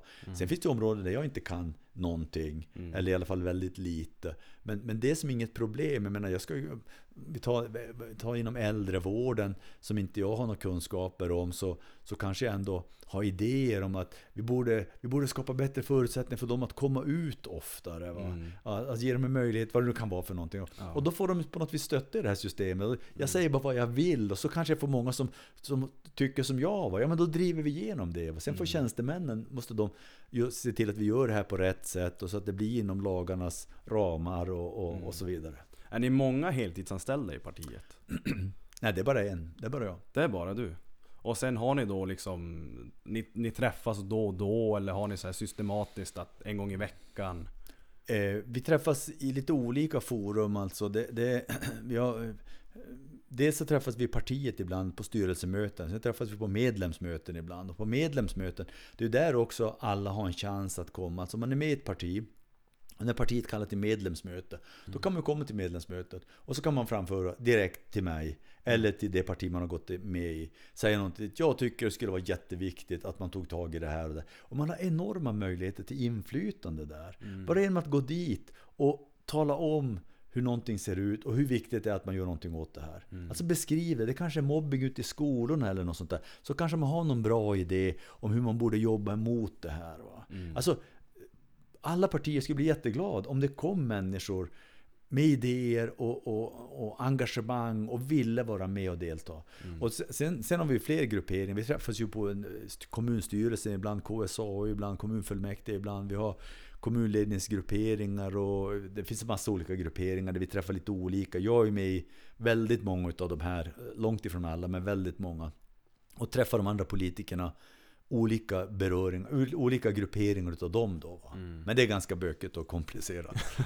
Har du, innan du blev vald till kommunalråd, innan, innan ni vann, eh, kände du då att förväntningarna du hade innan, för du, du har säkert tänkt att ja men ni, ni ska vinna och om du vinner så kommer du att sitta där på tronen och liksom, ja men du har fått din, ja men lite, lite mål, du har uppnått ditt mål ändå för du har ju varit den ledande personen. Har du, märkte du nu när du sitter på posten för där när du står och talar inför folket så vill man väldigt mycket, du har dina visioner. Och nu när du sitter på posten, är det svårt att få sin vilja igenom? Har man fortfarande samma vilja, samma drivkraft när du väl sitter där? Eller kändes det som att, men fan det var inte alls som jag tänkte mig? Ja, det, är, det är en mycket motiverad fråga. Det är ju... Det är ju Alltså det, det gäller att hålla i. Va? Det, det gäller att inte, att inte vika ner sig. Va? För att jag fick ju många, många sa ja, oj oj, hur ska du nu, oj, blev du kommunalråd nu, hur ska du kunna leva upp till allting du har lovat? Jag, jag kände inte minsta oro för det. Nej men vadå sett? Jag har inte lovat någonting som jag inte kan hålla. Det här är inget problem alls. Utan vi, vi, vi, vi kommer att... och Jag har ju sagt vad jag tycker i stadsomvandlingsfrågor. Jag tycker vi ska ställa tydliga krav mot staten, LKAB. Kirunaborna ska inte behöva ta kostnader för det. Vi ska prioritera om i verksamheter, satsa mer på skola och omsorg.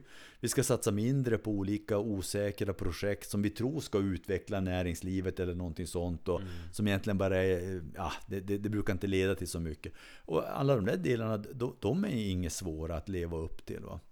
Däremot så är det ju tröga processer. Alltså att vi, vi har ju haft ett anställningsstopp i ett och ett halvt år. Eh, Och, och, och det är just för att bromsa in. Inom skola och omsorg så får de anställa allting de behöver. Direkt mot elever och brukare. Va? Där bromsar vi ingenting. Men alla andra tjänster så bromsar vi jättemycket. Va? Och det här är ju tufft. Va? De går ju på knäna många. Jag menar även administratörer och byråkrater inne i stadshuset. De behövs också.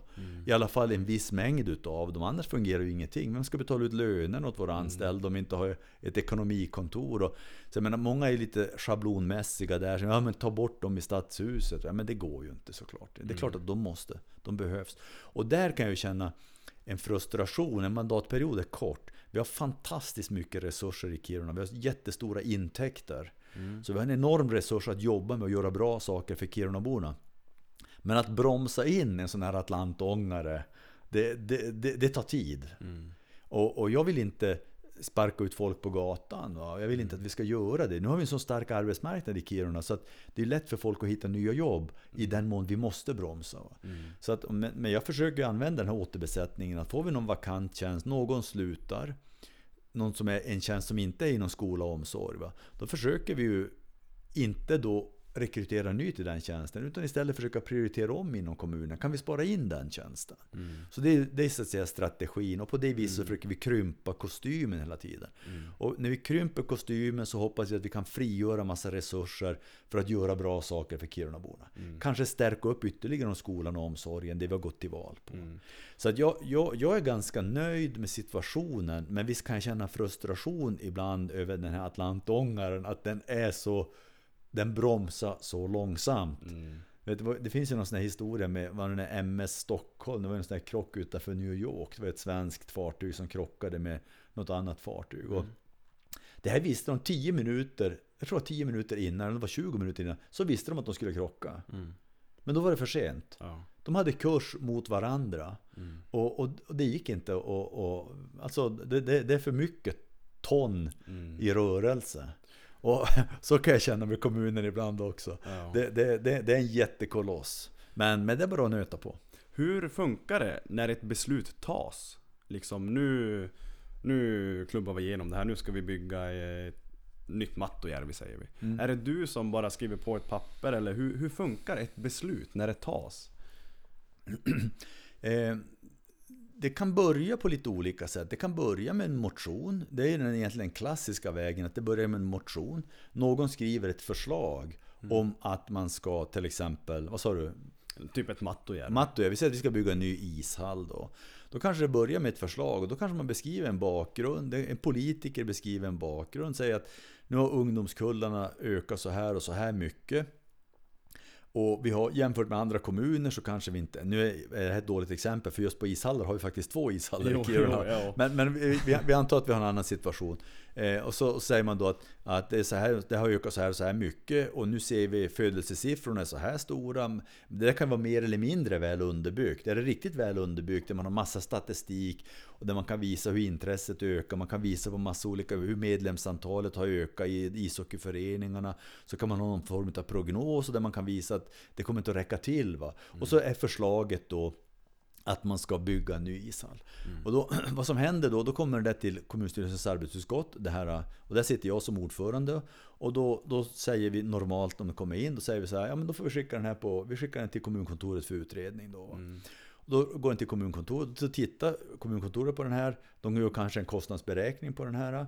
Eh, Det kommer tillbaka till kommunstyrelsens arbetsutskott där det finns då ett förslag på att, att om vi skulle gå på det här förslaget då skulle det kosta så här och så här mycket. Det skulle vara möjligt att bygga den här hallen där och där därför att där finns det infrastruktur och så vidare. Så kommer ett färdigt förslag. Men det kommer att kosta då 65 miljoner eller någonting sånt. Och då får vi se vilket utrymme har vi i vår investeringsbudget. Har vi råd att investera 60? Och om vi har det, det avgörs utav hur mycket driftsöverskott vi har. Alltså ju mer pengar vi, vi, kan, vi får i överskott varje år, desto mer kan vi investera för. Och det är det jag försöker göra nu, dra ner på driftskostnaderna.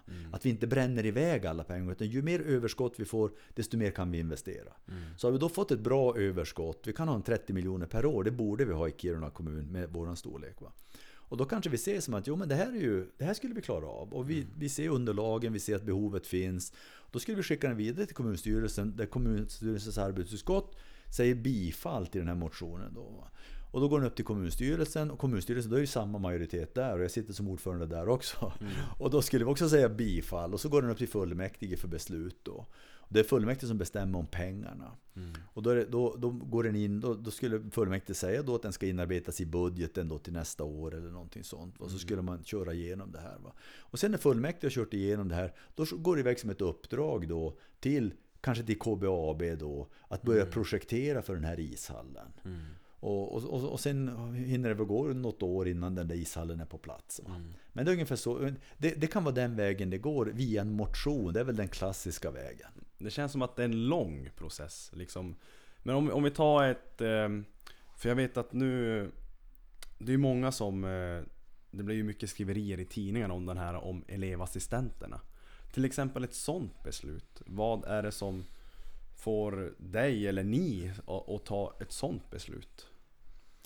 Ehm, Ja, det där är väldigt speciellt. Det blev ju väldigt mycket skriverier Ja, om, ja, just det. Verkligen, verkligen. Och, och en del var ju så besvikna och tyckte då att, att här har Centerpartiet sagt att de ska inte spara på skolan och så gör man det här. Mm. Men, men grejen var ju den att Kultur och utbildningsnämnden hade en budget på 15 miljoner för elevassistenter. Mm. Och de hade en budget som var 53 miljoner större än, normal, än jämförbara kommuner. 53 miljoner större. Men man gjorde slut på 35 miljoner på elevassistenter. Man drog över sin egen budget med 25 miljoner. Pengar som man inte hade Mm. anställde man ändå elevassistenter för. Mm. Så det enda den nya nämnden gjorde då, nya nämnden sa bara att ni måste hålla budget. Mm. Och det är inget konstigt egentligen. Nej. Det är klart man måste hålla budget. För att annars tar man ju pengar som man inte har fått. Mm. Man tar pengar ifrån någon annan. Precis. Och pengar som, som ingen har gett. Som fullmäktige i den demokratiska församlingen har inte gett de här pengarna. Och ändå så tar man de pengarna. Mm. Och anställer folk. Och de, där, de man har anställt måste ju få sin lön. Mm. Och det var ju det som hände. Att man var tvungen att anpassa kostnaderna till de budgetramar man hade. Så de sparade egentligen ingenting. Och det där har folk haft jättesvårt att för. Hur kan han säga att de sparar ingenting när de avskedar folk? Mm. Ja, men, alltså, jag tog en liknelse jag skrev åt någon på Facebook. Alltså, så här, men om, det, om dottern där hemma har 50 kronor i veckopeng Mm. och så stjäl hon 10 kronor extra varje vecka från hushållskassan. Och så upptäcker föräldrarna det där att det försvinner ju en tia varje vecka. Mm. Och så gömmer de undan den där äh, hushållskasseburken så att hon, hon får inte den extra tian längre. Mm. Och då är frågan, har de då sänkt hennes veckopeng? Nej, det har de ju inte. Ja. Hon har fortfarande sina 50 kronor, men hon får inte ta några extra pengar som de inte har gett henne. Mm. Och det var egentligen precis den principen här också. Mm. Sen, sen blir det ju såklart besvärligt. Alltså. Det är ju människor som drabbas. Mm. Och, och, och då, skulle jag, då, då skulle man kunna säga, vad är alternativet? Alternativet det var ju att säga i så fall, ja men låt dem vara kvar alla de där, men då får vi höja skatten. Mm. Och så ligger Kiruna bland de högsta i landet i skatt. Mm. I, i skatteprocent, trots att vi har höga inkomster, så vi, vi skulle egentligen kunna ligga lägre i skatt. Mm. I och med att vi har så pass höga löner. Precis. Så i procent får vi ut mer från varje Kirunabo än vad andra kommuner får. Men vi tar ut mycket mer. Och, och det, det ty, vi, vi pratade om det, vi hade verkligen en seriös diskussion om det. Ska vi höja skatten? Men det kändes ju bara som att alltså, vi kan bara inte göra det. Va? Utan vi har bland de högsta skatterna i landet. Nu, vi, vi måste, det måste räcka med den skatt vi har. Och då blev ju konsekvensen också att, att eh, Kultur och utbildningsnämnden var ju, de var tvungna att gå ner till sina ramar. Mm. Får du mycket eh, Får du mycket onödig skit för ett sånt här beslut till exempel? Eller känner du någon gång att ja men det här förtjänar jag? Eh, mm, Nej men onödig skit får jag väl kanske inte. Men alltså en, en del är ju... En, en, del, en del ids ju inte... De vill inte förstå. Nej, nej så är det. Så, och då, då, då, då blir egentligen så är det ju ingen idé att förklara heller. Men, men jag känner ju lite grann att det är ju lite grann att... eh, Jag, jag vet ju hur det är på Facebook. Att det är ju så ofta man säger då ja den och den skrev eller jag hade någon som frågade. Och, jo jag såg det på Facebook säger de då. Va? Så att folk har sett. Det är jättemånga som läser och, och följer men de är inte där och gillar eller kommenterar. Va? Och därför så, så känner jag också att det är viktigt för mig att när folk skriver felaktigheter, att jag faktiskt rätt, att jag får kommentera. Och Det är många som inte orkar det. Men, men alltså jag tycker inte att Visst får jag en del skit, men alltså jag, jag, jag måste säga att jag, jag lider inte jättemycket av det. Va? För jag menar, så länge det är oseriösa, okunniga kommentarer Precis. så gör det inte så mycket. Utan de, de, de bjuder ju nästan mig jag är nästan, det blir nästan bra, för det är lite jobbigt att sitta och kommentera på kvällarna. Men, men det är nästan bra för mig om de kommer med en, ganska, en kommentar som är ganska svamlig. Mm. Och så kan jag förklara på ett ganska, utan att trycka ner dem, va, kan jag förklara på ett ganska sakligt men schysst sätt ändå hur det är. Då får jag ju en chans också att förklara det här som har missuppfattats. Säkert bara inte av den här personen. Fortsätter den där personen sen att skriva ungefär samma saker, vilket händer ibland. Va? Så ibland vill man ju köra copy-paste och bara köra sam, samma hela. Jag brukar ångra mig att jag inte gör. Jag borde ha en liten bank med såna här texter va, om elevassistenterna, bemanningskvoterna inom omsorgen och så vidare. För det är ungefär samma saker som alltid dyker upp. Men, men sen är det ju så här också att, och det måste man komma ihåg att vilka är det som skriver? Ja, men vi har ju, dels har vi våra politiska motståndare. Och det är klart att det retar en del fruktansvärt att lilla fjuttiga Centerpartiet har gå- fått 33% av rösterna. Det är oerhört provocerande. Så det är klart att de är och hacka och det är jag som mig de hackar på. Va? Så att det, det, det, är väl bara, det är väl bara som det är. That's life. Ja, precis. Generellt i kommunen i Kiruna, hur är läget? Har vi en ja, men skola, omsorg, vården? Hur är den hela bilden? Är vi, är vi trygga? Har vi det bra? Eh, Nu Alltså, kanske vi jag måste svara om- ja där. Ja, nej, nej, inte riktigt. Va? Så vi, vi har gott om resurser och jag tror att inom omsorgen så tror jag att de gör ett jättebra jobb. Och, och likaså inom skolan. Nu har ju den här omställningen som skolan har drabbats utav och nu håller de på med skolstrukturen och sånt skapar ju alltid oro. Men, men, men vad, det första jag tänker på när du ställer frågan det är ju, det är ju alltså så länge det finns en enda elev som mobbas ute på någon skolgård va, så har vi misslyckats. Va? Alltså jag tycker det, jag var nere på Raketskolan här för några veckor sedan och träffade några klasser där nere. Åttonde klassare och när var det åttonde klassare? Nej, nu kommer jag inte ihåg. Nej, de var nog yngre de här. Ja, de var nog yngre. Och i alla fall så så började de prata och då var det en kille som satt där och Ja, det gjorde ont i en alltså när han säger ja, men vad spelar det för att jag säger, att jag säger någonting? Det, det, det slutar ju ändå inte. Alltså, det var som mobbing alltså, som, som han utsattes för. Och, och när jag, hade, jag hoppas att jag missförstod dem, för jag hade någon sorts... hand- Men, så, vadå, men jag ställde frågan på något vis om de kände sig otrygga. Och ställde frågan alltså om, om Alltså hur många av er känner er otrygga då på skolgården? Och, så? och det var alltså en tredjedel av eleverna räckte upp handen. Det är Ja, men alltså jag, jag, jag, jag, tror att de missuppfattade mig på något vis. Va? För så illa tror jag inte det kan vara. Men jag kommer, inte, ihåg- jag kommer inte riktigt ihåg hur jag formulerade mig. Men jag, jag tog med mig det där. Jag tänkte att det där måste vi, det måste vi ta tag i. Va? För att återigen, är det en enda elev som, som mobbas. Det, är ju såna, det kan ju vara sådana fruktansvärda konsekvenser. Och livslånga konsekvenser för, för en enda elev som far illa. Va? Och så vet vi att det här händer faktiskt ute på våra skolgårdar. Och på väg hem från skolan och så. va? Och då, och då, då, då lyckas vi ju inte. Va? Det, det är ju bara så. Och sen tittar vi på statistiken också, hur vi lyckas på de olika nyckeltalen man följer och så, så, så har vi inte, nu har det blivit lite bättre siffror i Kiruna, men vi har ju inte jättebra siffror. Och det här är ju så extremt viktiga frågor. Va? Så jag önskar verkligen att vi, att vi blir mycket bättre där. Vad har du för uppgifter där? Hur går du in och styr och ställer där? Nej, egentligen inte alls. Utan, utan nämnd, vi har ju skrivit vårt gemensamma, vår gemensamma plattform har vi skrivit. Och då är vi tillbaka lite grann på den här med pedagogiken. Alltså att, att jag har varit med att formulera grundteserna på något vis. Om, om det här med trygghet. Alltså om inte eleverna känner sig trygga, om de sitter och oroar sig för, för rasten eller för hemgången. När, när läraren håller på att berätta om eh, ja, ekvationer eller vad det nu kan vara. Och håller på att gå igenom någonting då är det inte så lätt att, att hänga med och förstå. Om man sitter och bekymrar sig för det. Så, så att den där tryggheten den är oerhört viktig. Jag har varit med att formulera grundteserna. Sen är ju det här då, eller fundamenten egentligen i våran eh, inställning till vad som är prioriterade områden inom skolan. Va? Och det är mycket kring tryggheten och sen är det mycket kring själva kunskapen också. Det ska vara, alltså, det vi var inne på tidigare det här med pedagogiken och att man inte lär sig en massa meningslösa fakta som man sen glömmer bort och inte riktigt förstod. Precis. Utan det, det ska vara genuin kunskap, alltså som verkligen blir stimulerande och utvecklande och som underlättar saker att förstå annat i livet. Man kan bygga vidare på kunskapen. Så att de sakerna finns ju. Men sen är det ju nämnden som, som jobbar vidare, som har det direkta ansvaret mot skolorna och nämndens ordförande. Och sen skickar ju nämnden det ner till förvaltningen som ska verkställa det här ute på skolorna.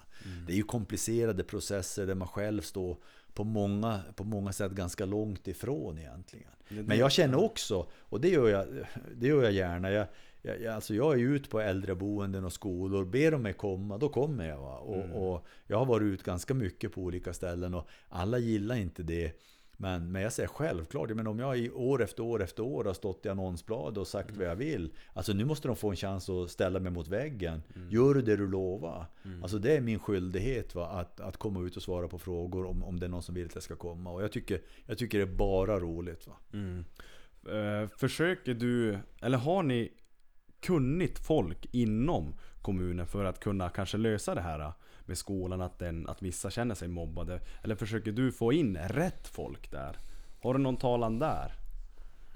Eh, det ligger ju också egentligen på förvaltningen. Alltså förval- när det gäller skolan, då är det ju förvaltningen som anställer. Jag är ju med och anställer förvaltningscheferna. Okej. Och sen ja. så, sen, sen, sen går det ju, sen är inte jag inne någon mer i rekryteringen utan sen är det ju de då som ska rekrytera då utifrån de, de, prof, de, de, de inriktningar som vi har valt. Va? De, de, de bryter ner det vi har sagt i våra politiska styrdokument. Det bryter de ner i mindre mål för just sin verksamhet. Och sen ju de bemanna organisationen utifrån, utifrån den inriktning som vi ska mot. Då, va? Så att jag är inte med och påverkar där. Utan, och det, det, är nog, det är nog både ömsom vin och ömsom vatten. Va? Det är klart det finns en del oerhört kompetenta folk och sen lyckas man inte alltid, så är det ju. Mm, nej, precis. Eh, det som händer just nu i Kiruna. Tarfala-taket har ramlat ner, det är mycket snack. Det är Corona. Hur, hur ser läget ut just nu när vi pratar idag? Ja, alltså det här med Corona känns ju oerhört stressande. Va? Och jag, jag är inte orolig för egen del att, eh, att jag eller min familj skulle bli sjuk. Va? Skulle vi bli det så tror jag inte att det är så allvarligt. Utan de flesta, även om jag nu har passerat 60 va? Så, så, så tror jag inte jag kommer att dö. Jag, kommer nog, jag, brukar klara, jag brukar aldrig vara sjuk heller. Så att, och skulle jag åka på den här coronan så hoppas jag inte att det blir värre än så många har det som en vanlig förkylning och sen så är man frisk. Men konsekvenserna för ekonomin och samhället i stort, alltså det är ju Alltså vad ska hända? Det är ju, nu har USA stängt ner. Va?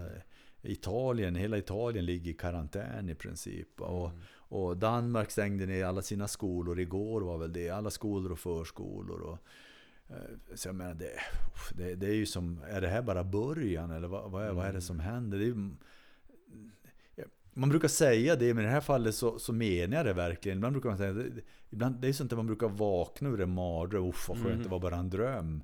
Det, det är så man nästan ser på det här. Alltså, det här känns ju som en, det här känns verkligen som en mardröm. Alltså.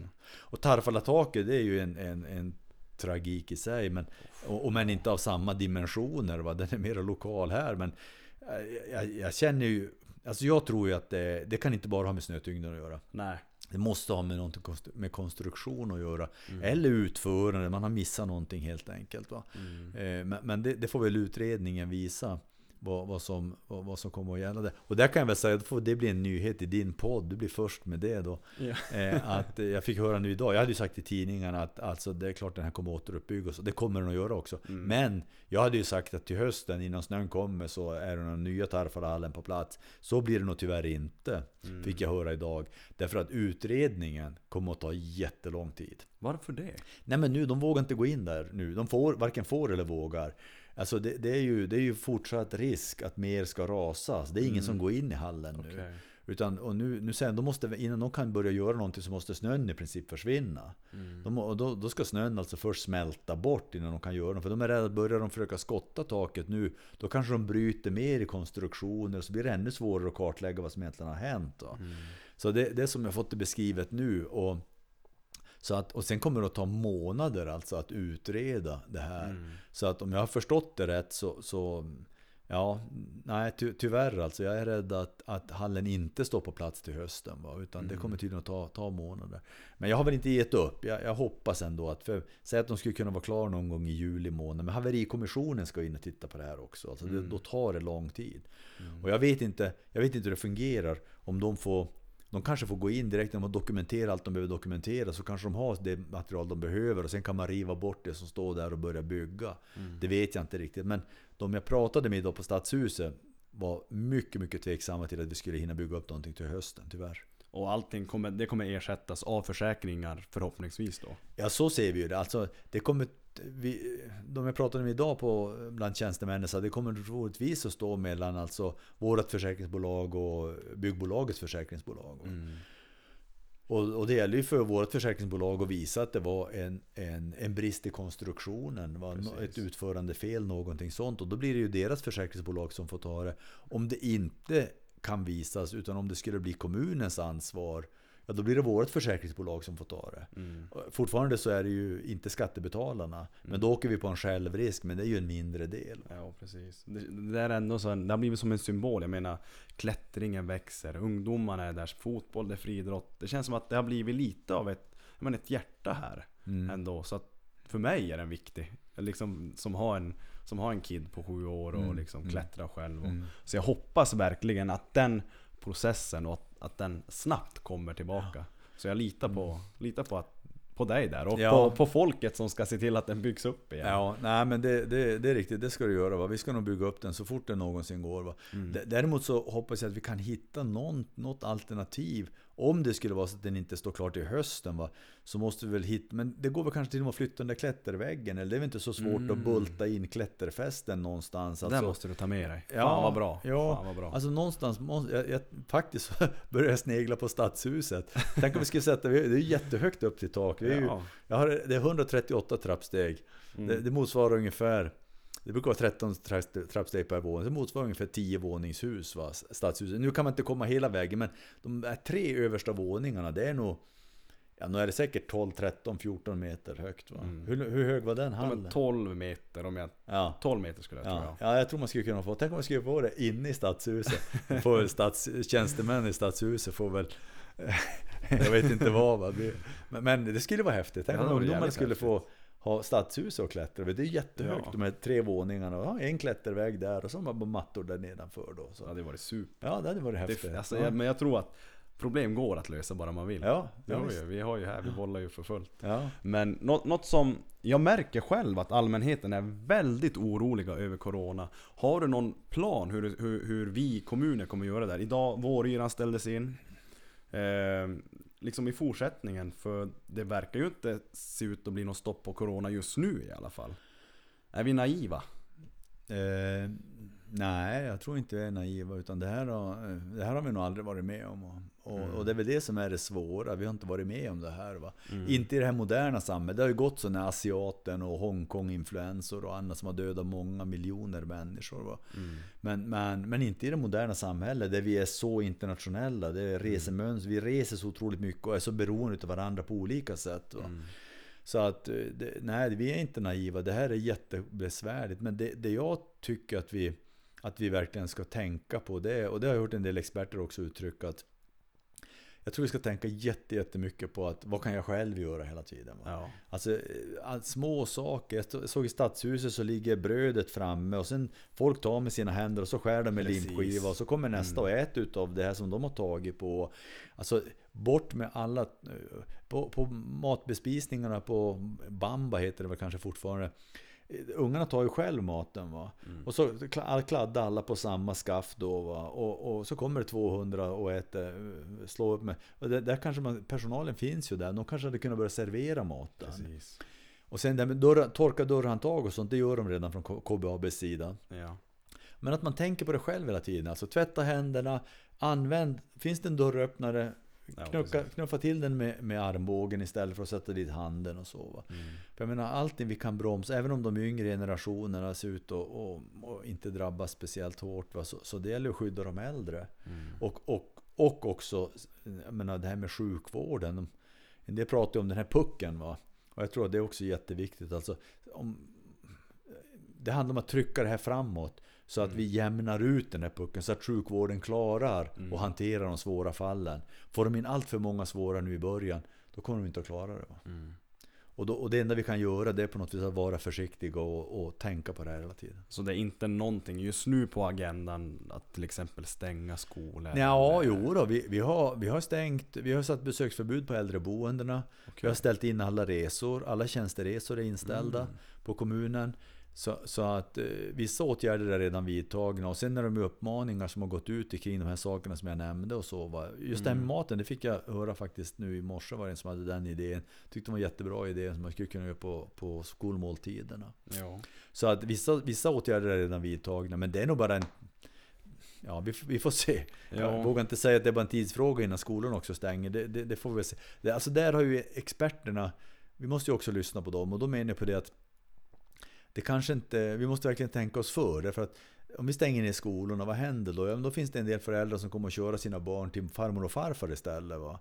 Och, eller mormor och morfar eller vad det nu är för någonting. Va? Och, och, och de är ju extra utsatta Mm. för, för, för det här. Va? Så risken är mycket större om de blir sjuka och nedsmittade. Va? Så att, så att man, vi, vi, vi, måste, vi måste vara noga, kloka. Ja absolut, sunt förnuft ändå. Ja, precis. Och inga förhastade beslut. Va? Nej. Hur ser en dag ut för Gunnar Selberg? Är den fullproppad med möten? Ja, det är det. Det är det. det ja, det är mycket möte. Jag brukar säga att det var roligare att köra traktor i Kurra bara. Men du stiger upp på morgonen, vi börjar. Hur, hur ser den ut? För- Jag stiger upp på morgonen och så går jag och sätter på kaffe åt min fru. Hon, hon har det som ett privilegium i livet. Hon får alltid kaffe på sig. Det har hon fått i 20 års tid nu. Och det, det, det ska hon väl fortsätta att få i åtminstone 20 år till. Så det, då får hon kaffe på sängen och sen tittar vi på morgonnyheterna. Och sen så... Ja, sen, sen ser man till att, att ungarna kommer iväg. Jag har en 15 och 16 15 och 16-åring hemma. Fortfarande. Sen en äldre dotter också som har flyttat hemifrån. Och sen så ser man till att de kommer iväg. Om inte jag själv har tidigt möte. Jag brukar försöka lägga mötena så att jag börjar tidigast kvart över åtta. Så man får Ja. hinna, hinna få undan kaffekoppar och torka bänkar och lämna köket i någorlunda. Det är lite grann mitt, mitt ansvar där hemma. Att lämna köket i, i gott skick. Eh, och Eh, Ja, och sen, sen så börjar mötena. Sen rullar det hela dagen med möten. Men, men jag kan tycka att en del frågar, ja men är det inte jobbigt? Jag vill säga att, Alltså har man varit företagare i 25 år va, så, så inte är det här någon match. Ja, alltså då, telefonen min här, den var påslagen dygnet runt i 25 års tid. Nu kan jag stänga av telefonen. Ja. Eh, alltså om, om jag är ledig på helgen, om jag, jag var helgen på en begravning, och, alltså då kan jag stänga av telefonen. Det kunde jag inte som företagare, kunde jag inte stänga av telefonen. Mm. Jag kommer ihåg när vi gifte oss. När vi gifte oss hade jag tyckte synd om, om, om frun. Hon, eller då min blivande fru. Och, och, och så säger vi höll på att göra oss i ordning för bröllopet och så. Och så, och så kom hon som på sig själv och så säger hon som att Och du förresten, alltså telefonen. Kan du låta du stänga av den åtminstone när vi är i kyrkan? ja, då tyckte jag synd om henne faktiskt. Alltså, hon, hon visste som att telefonen är påslagen dygnet runt. Va? Men i kyrkan i alla fall. Va? Mm. Men att den skulle vara påslagen under middagen, det, ja, men det var som inte, det är klart. Och under bröllopsnatten, ja men det vet hon, det, det får man väl leva med. Men faktiskt, så då hade jag en guide som tog telefonen den, den, dagen och den kvällen. Va? Så, så, så då hade jag inte. Men i övrigt så har jag haft telefonen påslagen 25 år dygnet runt kan man säga. Så att, men nu sitter jag i ett läge, jag är, när jag satt i opposition då satt man ju hemma och satt och läste handlingar hela tiden. Det är ganska jobbigt att läsa in mycket komplicerade eh, handlingar man ska försöka förstå och tränga ner i eh, inför olika möten. Nu är det så mycket lättare för nu har jag ju hela organisationen med mig. Nu sitter jag på möte, nu sitter ju de och förklarar för mig och berättar för mig. Ja men det här handlar om det och det och det handlar om det och det. Och, ja okej, ja, men då ganska fort så har man ett grepp om vad det handlar om. Så får man fördjupa sig lite extra i vissa saker. Men det är ganska enkelt på det viset att jag har sånt enormt stöd idag. För när man satt i opposition då, fick, då satt man ju helt ensam och, och fick ta in allting. Mm. Tränar du någonting? Ja, lite grann. Gymträning eller skidor? nej, nej, alltså jag, jag, under sommaren brukar jag försöka få tid att springa. Eh, under vintrarna så blir det lite motionscykel där hemma och sen så Ja, brukar jag köra mina 7 minute workout. Ah, så, så här, fast jag har ställt upp den lite grann så jag kör 35 sekunder på varje så den ligger på 10 minuter ungefär. Det är sån här högintensiv träning 10 minuter. Och Mm. Lite armhävningar och sit-ups och, och hoppa och skutta. Och, Du är ändå mån om hälsan? Ja, jo, jag, jag håller mig i ganska bra form faktiskt. Ja, Det- det jag gör säger, ja men det får vara 60, vad fan? Ja, Piggare än de flesta jag åker 60. skateboard på händer, har du inte sett den? Här? Nej, det har jag inte sett. Alltså, nej men jag, hade, jag la upp det på Facebook faktiskt. Nej, men det, var, det var lite kul. De hade från, det finns ju den här tidningen Aktuellt i politiken eller vad den heter. Mm. Den går ut till alla, alla kommuner och regioner, landsting och, och, och politiska partier. Det som en politisk tidning som är ganska stor. Och då skulle de presentera alla nya kommunalråd i landet. Och så skrev man skriva då ålder och intressen och bla bla. Och så skrev man skriva dold talang. Och så skrev jag då åka skateboard på händer. Och de högg ju på det där så att de, de ringde ju upp mig. Bara, kan du åka skateboard på händer? Och jag blev lite nervös. Ja, jag vet inte om jag kan det något mer. Men det är som att cykla. Har man en gång lärt sig så, Ja. så, så borde man kunna. Ja, alltså jag tror det är som att Ja, men då skulle vi vilja komma upp och göra ett reportage med, med dig så här va. Oj, det, det blev svettigt där. Så jag var tvungen att åka ut och kolla att jag kunde åka. Ja, det gick ju ganska bra. Va? Jag klarade av det fortfarande. Så att då var de ute och, och, så, och så kom ju tidningen sen då. Då var det ju hela första sidan då. Gunnar Selberg kom åkande med skateboard på händer. Och, och sen var det ju de här första uppslaget, sen var det två stycken helsidor då om, om mig då och, och en skateboard. Men sen handlade det om mig i allmänhet och politiken och, och, och så här va. Men det var, lite, ja, det var lite häftigt. Jag hade lovat min dotter, min äldsta dotter, att jag skulle kunna åka skateboard på henne fortfarande när jag fyller 60 år. Va? Så att det klarade jag. Jävligt häftigt, va? Det är... Ja men det, det är inte så svårt som det låter. Alltså det, det, lå- nej men det är inte det. Nej men alltså allvarligt. Det, det är faktiskt Det är lika svårt att stå på händer som att åka skateboard på händer. Mm. Därför att när du åker skateboard på händer då, då kan du parera alltså. Med skateboarden parerar Ja, du ju. Va? Precis som när du står på en skateboard. Va? Mm. Men Medan när du, när du står still på händer då, då måste du stå och trycka med fingertopparna på, på Jajamän. ett sätt och verkligen hålla balansen. Va? Det är faktiskt till och med lite... Men om man bara vågar Jag tror det är det. så är det lite är lättare än att stå... Ja precis. Nu Ja. blev jag så taggad, för jag kan stå på händer men jag har aldrig vågat ställa mig på en Ja skateboard. men då ska, du, då ska du testa också Jag vet vad jag gör nu. skateboard på händer. va? Jag ska testa göra ja, det, är, det, är, det är lättare än man tror. Eh, Har du några planer på att nu liksom Du är mitt inne i kommunalråd, har du några planer på att Du är 60 kanske, ja men nu ska jag trappa av lite grann Eller du kör ända in i kaklet så länge du orkar Eh, Alltså jag kör ända in i kaklet, det gör jag. Men om jag kommer vara kommunalråd ända in i kaklet, det vet jag inte. Okej Eh, Nej, men alltså jag, jag kommer ju... eh, Jag, jag har ju turistföretaget kvar, men, men jag kommer att försöka fasa ut därifrån så gott det går. Jag är ju bara ägare idag och har folk anställda och har en VD anställd och så. så företaget rullar på sidan. Men, men jag, jag, jag kommer att försöka fasa ut därifrån och sälja. mm. Eh, det, det är inte helt enkelt, turistbranschen är så speciell, men, men jag ska försöka i alla fall. Alltså det, det, det kommer att gå åt det hållet förr eller senare. Mm. Se- Sen, sen hur länge jag håller på med politik och hur länge jag är kommunalråd, det vet jag faktiskt inte. Va? Men jag kommer att fortsätta att, jag kommer att fortsätta att jobba. Jag kommer inte att bli pensionär någon gång. Det jag svårt att se. Ja, nej precis Eh, Och en grej som jag eh, tar med alla mina gäster Jag vill ju inspirera och beröra folket där ute Och nu när Ja. jag har äran att sitta här med dig Vad har du för tips till dem där ute som faktiskt har höga mål, kanske vill bli kommunalråd, kanske vill jobba inom politiken Vad har du för tips till de som faktiskt har den här drivkraften men som kanske inte vet vart de ja, men vart ska jag ta vägen? Hur ska jag göra för att nå mina mål? Vad har du att säga till dem? Eh, alltså e-, e-, egentligen är det så mycket lättare än, än så mycket lättare än vad man tror när man är, när man är ung kanske och så. Alltså jag, jag vet ju hur jag själv var i, i unga år. Alltså, jag ångrar mig att jag inte, även på universitetet, när jag pluggade på universitetet, jag läste lite grann extra, jag läste lite juridik extra, och så läste jag lite extra nationalekonomi och så. Va? Och alltså man, man, egentligen ligger ju allting öppet. Mm. Allting ligger ju egentligen öppet för, för, för dem. Va? I alla fall de som inte de som är rimligt unga. Va? De, de har ju alla möjligheter i, i, i dagens Sverige att göra precis vad som helst. Va? Mm. Och som politiken också. Alltså det, det, det är så otroligt. Vi var inne på det tidigare. Det är så öppna famnar. Om, om, man, om man skulle vilja satsa på politik och, och, och göra någonting där. Och vara med och ha, ta ett ansvar, ha ett inflytande, påverka samhället. Alltså, det, alla är jätteglada ju fler som kommer in. Unga människor som kommer in och vill vara med och påverka. Så att, alltså det, vad jag skulle vilja säga som svar på din fråga så, så jag kan tänka mig att det känns ganska långt bort.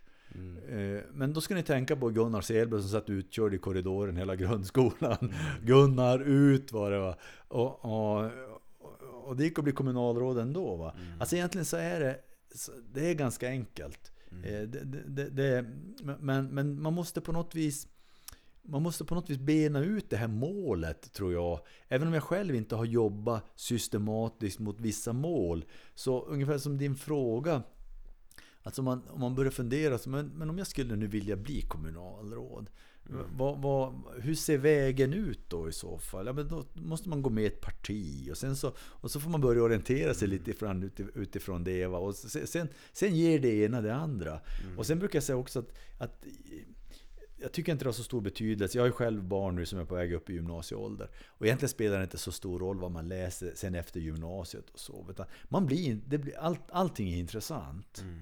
Spelar ingen roll, allting är intressant. Så eh, hade man börjat läsa till veterinär så hade man tyckt det var superintressant. Hade man börjat läsa till civilingenjör inom väg och vatten så hade man tyckt det var superintressant. Så att, jag menar, med kunskapen så, så blir allting intressant. Så det, det enda som jag tycker på något vis är viktigt det, det är att eh, att, att knalla på framåt, alltså att, att ha energi och, och, och gå på framåt och göra någonting. Va?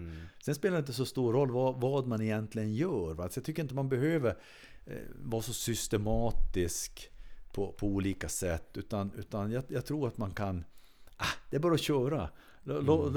Kö- Kör, lå- låt engagemanget bära. Och sen får man se var det landar. Va? Och så länge man bara matar på så blir det bra. Ja exakt, och det känner jag med dig också. Du som har, du är inte rädd att trampa någon på tårna. Menar, jag får den känslan att ja, men du är den, du har vågat hela livet. Du har vågat gå din egen väg. Du har, du har följt lite ditt hjärta. Ja, men Mm. du, du har, det som jag lite reflek- reflekterar till när du inte säger att du har haft några mål.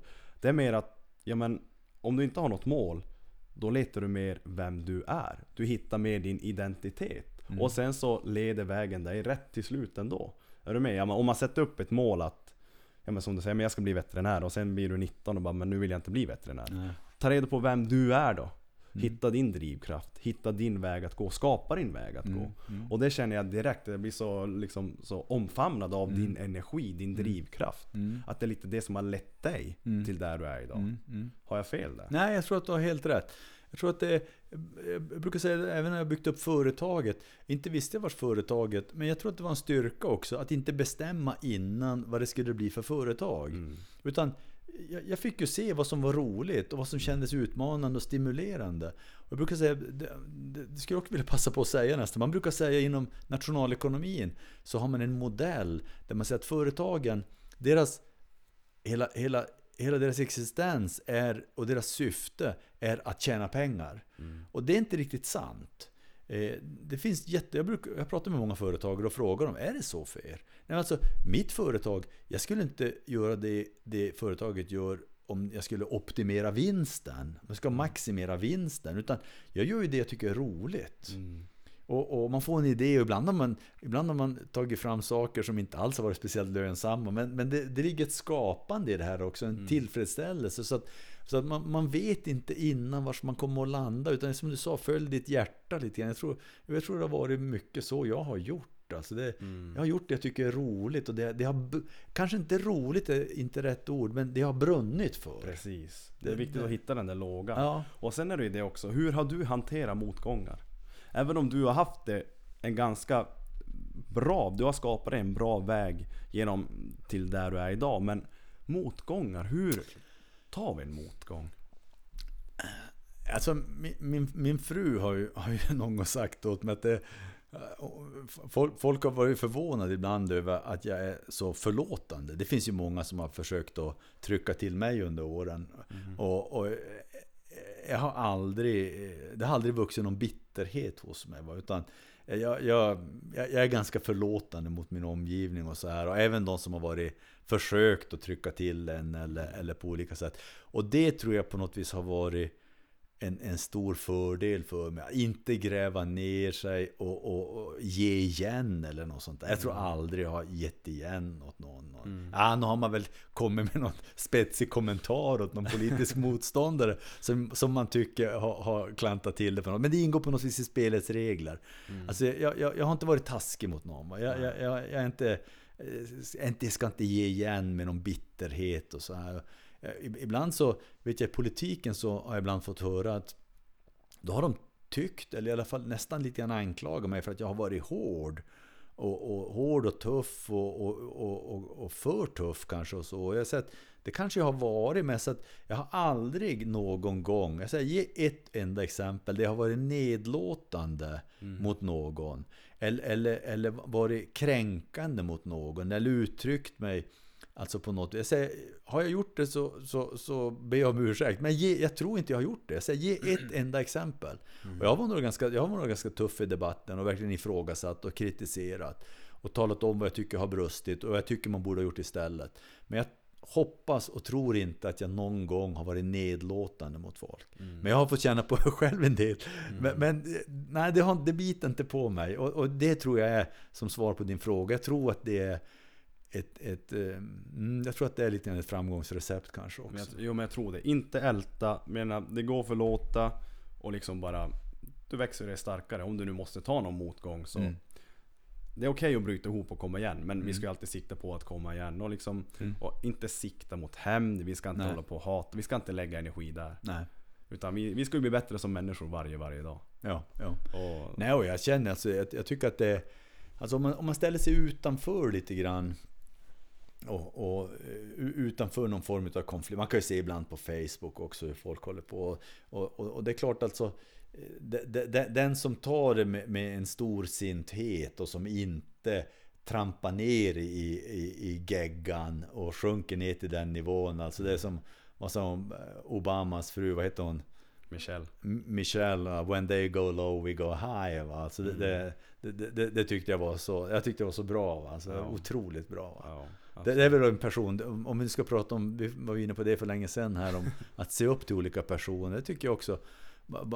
Framförallt hon kanske, men även, även Barack Obama. Alltså han, var ju, han var ju fantastisk, alltså inte minst i sin retorik. Alltså, vilken, vilken retoriker. Alltså, han, hans tal, det var ju bara så här, man rös ju bara. Alltså, Ja. Fantastisk talare. Och går du... Du talar ju mycket. Eh, Har du blivit bra på att tala bara av dig själv? Eller har du fått gå utbildningar för att bli en bra talare? Eh, Ja, jag har aldrig gått någon utbildning och jag skulle aldrig göra det heller. nej, nej, jag, jag, nej, verkligen inte. Nej, men jag tror att det är så här. Att det, här, det här undervisade jag om också i, i psykologin. Och jag tror att det är så här att, att eh, i psykologin så pratar man också om kroppsspråk. Va? Och i kroppsspråket så ingår ju allting utom själva orden. Och, och det man också tar in i kroppsspråket det är ju betoningar och det, det är gester och mimik och man pratar om, om subliminal perception och det är massa olika saker. Så. Och, och, och då brukar jag säga upp mina elever så här att alltså det här med kroppsspråk det är ju eh, vi sänder ju ut signaler om, om jag inte tror på att den här telefonen är bra när jag ska eh, berätta åt dig hur bra den är. Va? Eller, eller om jag som politiker egentligen inte tycker att det här är ett klokt beslut att bygga den här simhallen. Men, men, men om, om politiken har bestämt att bygga den här simhallen, då gör ju ofta politiker som så, okej, då ska jag försvara det beslutet också. Va? Och så står man och säger att man tycker att det är ett klokt beslut, fast man egentligen inte tycker det. Nej. Och då blir det problem. Då, då kommer man inte att signalera med kroppen samma sak som man säger med orden. Och då tappar man trovärdighet. Och det tror jag är på något vis pudens kärna i trovärdighet och i retorik i, i allmänhet. Alltså att om man alltid är ärlig och säger vad man faktiskt tycker och tänker och det man har där inne, då kommer det att stämma hela vägen. Orden stämmer med allting annat som jag signalerar med kroppen, med mimiken, med gesterna, allting. Va? Och då, då blir det trovärdigt. Och jag tror det är det som är det är det som är knepet på något vis. Att, att, att bli en duktig talare. Eh, eller i alla fall en del utav knepet. Att, att säg det du själv tycker och tänker. Och, och låtsas inte. Håll dig till sanningen. Ja. Och, och då måste man, och det där är inte heller, alla tycker inte det är okej. utan en del tycker ju kanske att jag som ledare ska försvara gruppens beslut. Och det gör jag gärna. Men om jag har tyckt annorlunda än gruppen, brukar jag säga, då måste jag få säga, jag hade själv en annan uppfattning. Men, men, men gruppen har ändå beslutat. Och sen måste jag få säga, jag tyckte visserligen att vi kanske borde ha väntat med det här. Va? Men nu har gruppen ändå bestämt det här och då får jag också acceptera det. Och, jag menar, och om, jag får, om jag får säga alltså vars jag själv stod, alltså, jag tror det är jätteviktigt för, för retoriken. Sen, sen, vet jag inte i övrigt att själva talet, att man... Jag, jag vet att... Det blir väldigt långt svar här, men jag tycker det här är så, det är så intressant. Här, därför att Absolut. många gånger när, när man går sådana här äh, retorikkurser, då, då får man ju, det kan vara, ta en, om du tar ännu ett snäpp sådana här säljkurser, då får man ju lära sig olika knep. Men då menar jag att, att jag tror till och med det är direkt farligt. Därför att då ska du lära dig att manipulera åhörarna. Och då ska du lära dig hur du ska göra för att få dem och, och, och då ska du alltså hålla på att trixa med de här sakerna som egentligen kommer som någonting naturligt inifrån. Och börjar du trixa med det, då framstår du som en Nej men den där, uff, nej jag orkar inte lyssna på han. Nej men, öh, du vet, "Äh, men vad, vadå, varför det? Vad, vad? Nej jag vet inte. Man kan inte säga vad det är. Men det var någonting hos personen som bara inte kändes bra. Och det är den här, man pratar om den här omedvetna kommunikationen som går mellan människor som sitter och pratar. Va? Och den, den kan vi inte, den, vi kan styra vissa delar av den här. Nu ska jag försöka framstå som kraftfull genom att eh, sätta armarna i kors eller någonting sånt där. Men, men alla andra signaler då? Då kommer det att bli sån här diskrepans mellan det du skickar ut och då blir du bara en pajas. Så sjukt intressant. Jag gillar dina långa svar Gunnar. det, det där är, jag är själv inne på det spåret, för psykologi och människan är så sjukt intressant. Det här har vi, som vi säger, men egentligen inte, som vi inte säger med munnen. Nej. Kroppsspråket, det är så sjukt intressant. Det är Ja. tusentals, inte tusentals, men jag har flera, flera böcker om just de Ja. här beteende och hjärnan och... Ja, det är så sjukt intressant. och en, en avslutande fråga som jag tar också med alla mina gäster. Mm. Jag är ju... Jag gillar ju att, att sikta högt och drivna människor och att vi liksom är entusiastiska. Och då brukar jag fråga dig, 3 till 5 år Gunnar, vart är du då i livet? Och det här är en fråga som, ja jag tror samtliga, jag bara oj. Hur ska jag svara på den frågan? Och här får du drömma hej vilt. Åh, ja, det var... Jag, jag sa ju tidigare att jag inte sätter upp något mål. Det- jag det- jag precis. vet ju inte. Utan då får jag bara, då får jag bara spekulera lite grann, tänka efter. Och, och om jag ska få drömma lite grann så... Ja, men jag hoppas... Jag, jag, jag ser mig själv hur jag på något vis fasar ut helt och hållet ifrån företaget. Eh, Jag, jag, jag kanske finns kvar i någon mening som lite, lite grann en, en mentor eller någonting sånt där. Jag hjälper till att skotta lite snö och ploga, ploga vägen och, och lite grann sådana här saker. Va? Men, men man gör det bara utifrån sitt behov. Man, jag har en situation där jag inte behöver där jag inte behöver ha telefonen påslagen dygnet runt. Eh, Men det kommer jag säkert att ha ändå. Men jag, jag måste inte. Eh, Jag har en situation där jag hinner, hinner med på ett annat sätt. Jag hinner, jag hinner, jag, hinner hemma fixa små saker. Jag är inte sådär som går och fixa och dona och snickra och så här. Men, men hålla undan lite bättre. Hinna röja upp i källaren och lite grann sådana här saker. Och, och att man, jag, jag finns nog kvar kanske i politiken också. Men eh, tre till fem år. Om du hade sagt fem år så hade jag sagt i alla fall att inte som kommunalråd längre. Ja. Eh, tre år blir svårare. Det kanske går någon brytpunkt precis däremellan. Ja, vi kan Eh. säga fem år då. Ja, ja fem år, då sitter jag inte kvar som kommunalråd. Utan då... då eh, ja, nej, men det är, nog så, det är nog så jag ser och, och sen så har jag lite grann, jag har ju två barnbarn redan nu. Och, och eh, köra, åka traktor med, med lilla Hugo, han som åker traktor med morfar. Va? Får åka lite mera traktor och, och ja, men fin, finnas mer hemma och, och få lite mera tid. Familjen har ju fått, fått stå ut med mycket, fått offra mycket tid. Va? Jag kan tänka mig. Och så, så att det, det, och det, det där måste man får inte tänka hela tiden att någon gång i framtiden utan mm, det, man får inte låta det gå för länge. Helt plötsligt så, så är det för sent va? Precis. Ingen sån här, ingen lyxvilla i Ibiza eller något sånt? Nej, nej, nej. Nej, absolut inte. Vi, vi har ju sommarstuga på Ulvön och där där trivs jag ju fantastiskt bra. Jag skulle kunna tänka mig att jag skulle nog kunna tänka mig, om du skulle säga sju år, så skulle jag kunna tänka mig att leva som svärfar. Som svärfar gjorde lite grann. Han åkte ju ner till Ulvön redan i april, maj månad. Och så var han på Ulvön ända fram tills vattnet frös. Och det brukade vara någon gång fram i oktober eller något sånt. Mm. Och det hade jag kunnat tänka mig. Kanske inte riktigt den perioden, men säg maj till september eller något sånt där. Jag trivs fantastiskt bra där ute. Jag tycker det är jättehärligt. Mm. Men Kirunas vintrar vill man ju gärna ha. Även om det inte behöver vara riktigt så mycket snö som den här vintern. Nej, precis. Nej, men jag, men jag får väl köpa det svaret. Det ändå, du har ju ändå en liten vision av vart du tror att du kommer vara. Ja. Så att... Eh, nej men det är... För, och, och sist av allt, jag är, det är sån ära att du. Att, tack för att du ställde upp på det här Gunnar. Och det jag, jag känner mig otroligt liksom full av energi nu, fått sitta här Jaså? med dig och...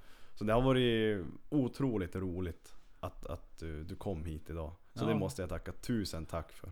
Nej, det var bara kul. Jag tycker alltid att det, det är roligt. Men jag har väl varit på en annan sån här intervju tidigare. Inte, inte i någon poddradio då, men, men Mm. eh, någon tidningar har väl ibland gjort sådana här porträtt utav en och så. Jag tycker att det är roligt. Jag tycker det är, det är trevligt att få... Jag, jag har ju lite grann kanske den, den bild, nu blir det något långt, väldigt gud texten igen här. Let's go! men, men, men, nej, men jag kan tycka att eh, vad jag har fått känna ibland är ju det att eh, om, om man är företagare, om man är man, om man är i min ålder och ännu mer kanske om man är kommunalråd. Då, man pådyvlas en del andra egenheter och egenskaper som man kanske inte har. Mm. Alltså man, man blir uppfattad som den där eh, kraftfulla mannen som styr och ställer och bestämmer och så vidare. Och, och, eh, och det där stämmer nog inte så bra med mig som person. Så är jag nog Mm. ganska... Du frågade mig tidigare här också om jag var sträng som lärare och sådär. Mm. Jag tror att jag... Nej, jag är nog ganska långt ifrån det som person. Va? Och jag menar, det, det som där hemma, det, det, det, det är frun som kör med mig och inte jag med henne. Va? Det, är jag som Mm. springer med tofflor åt henne och, och inte tvärtom. Va?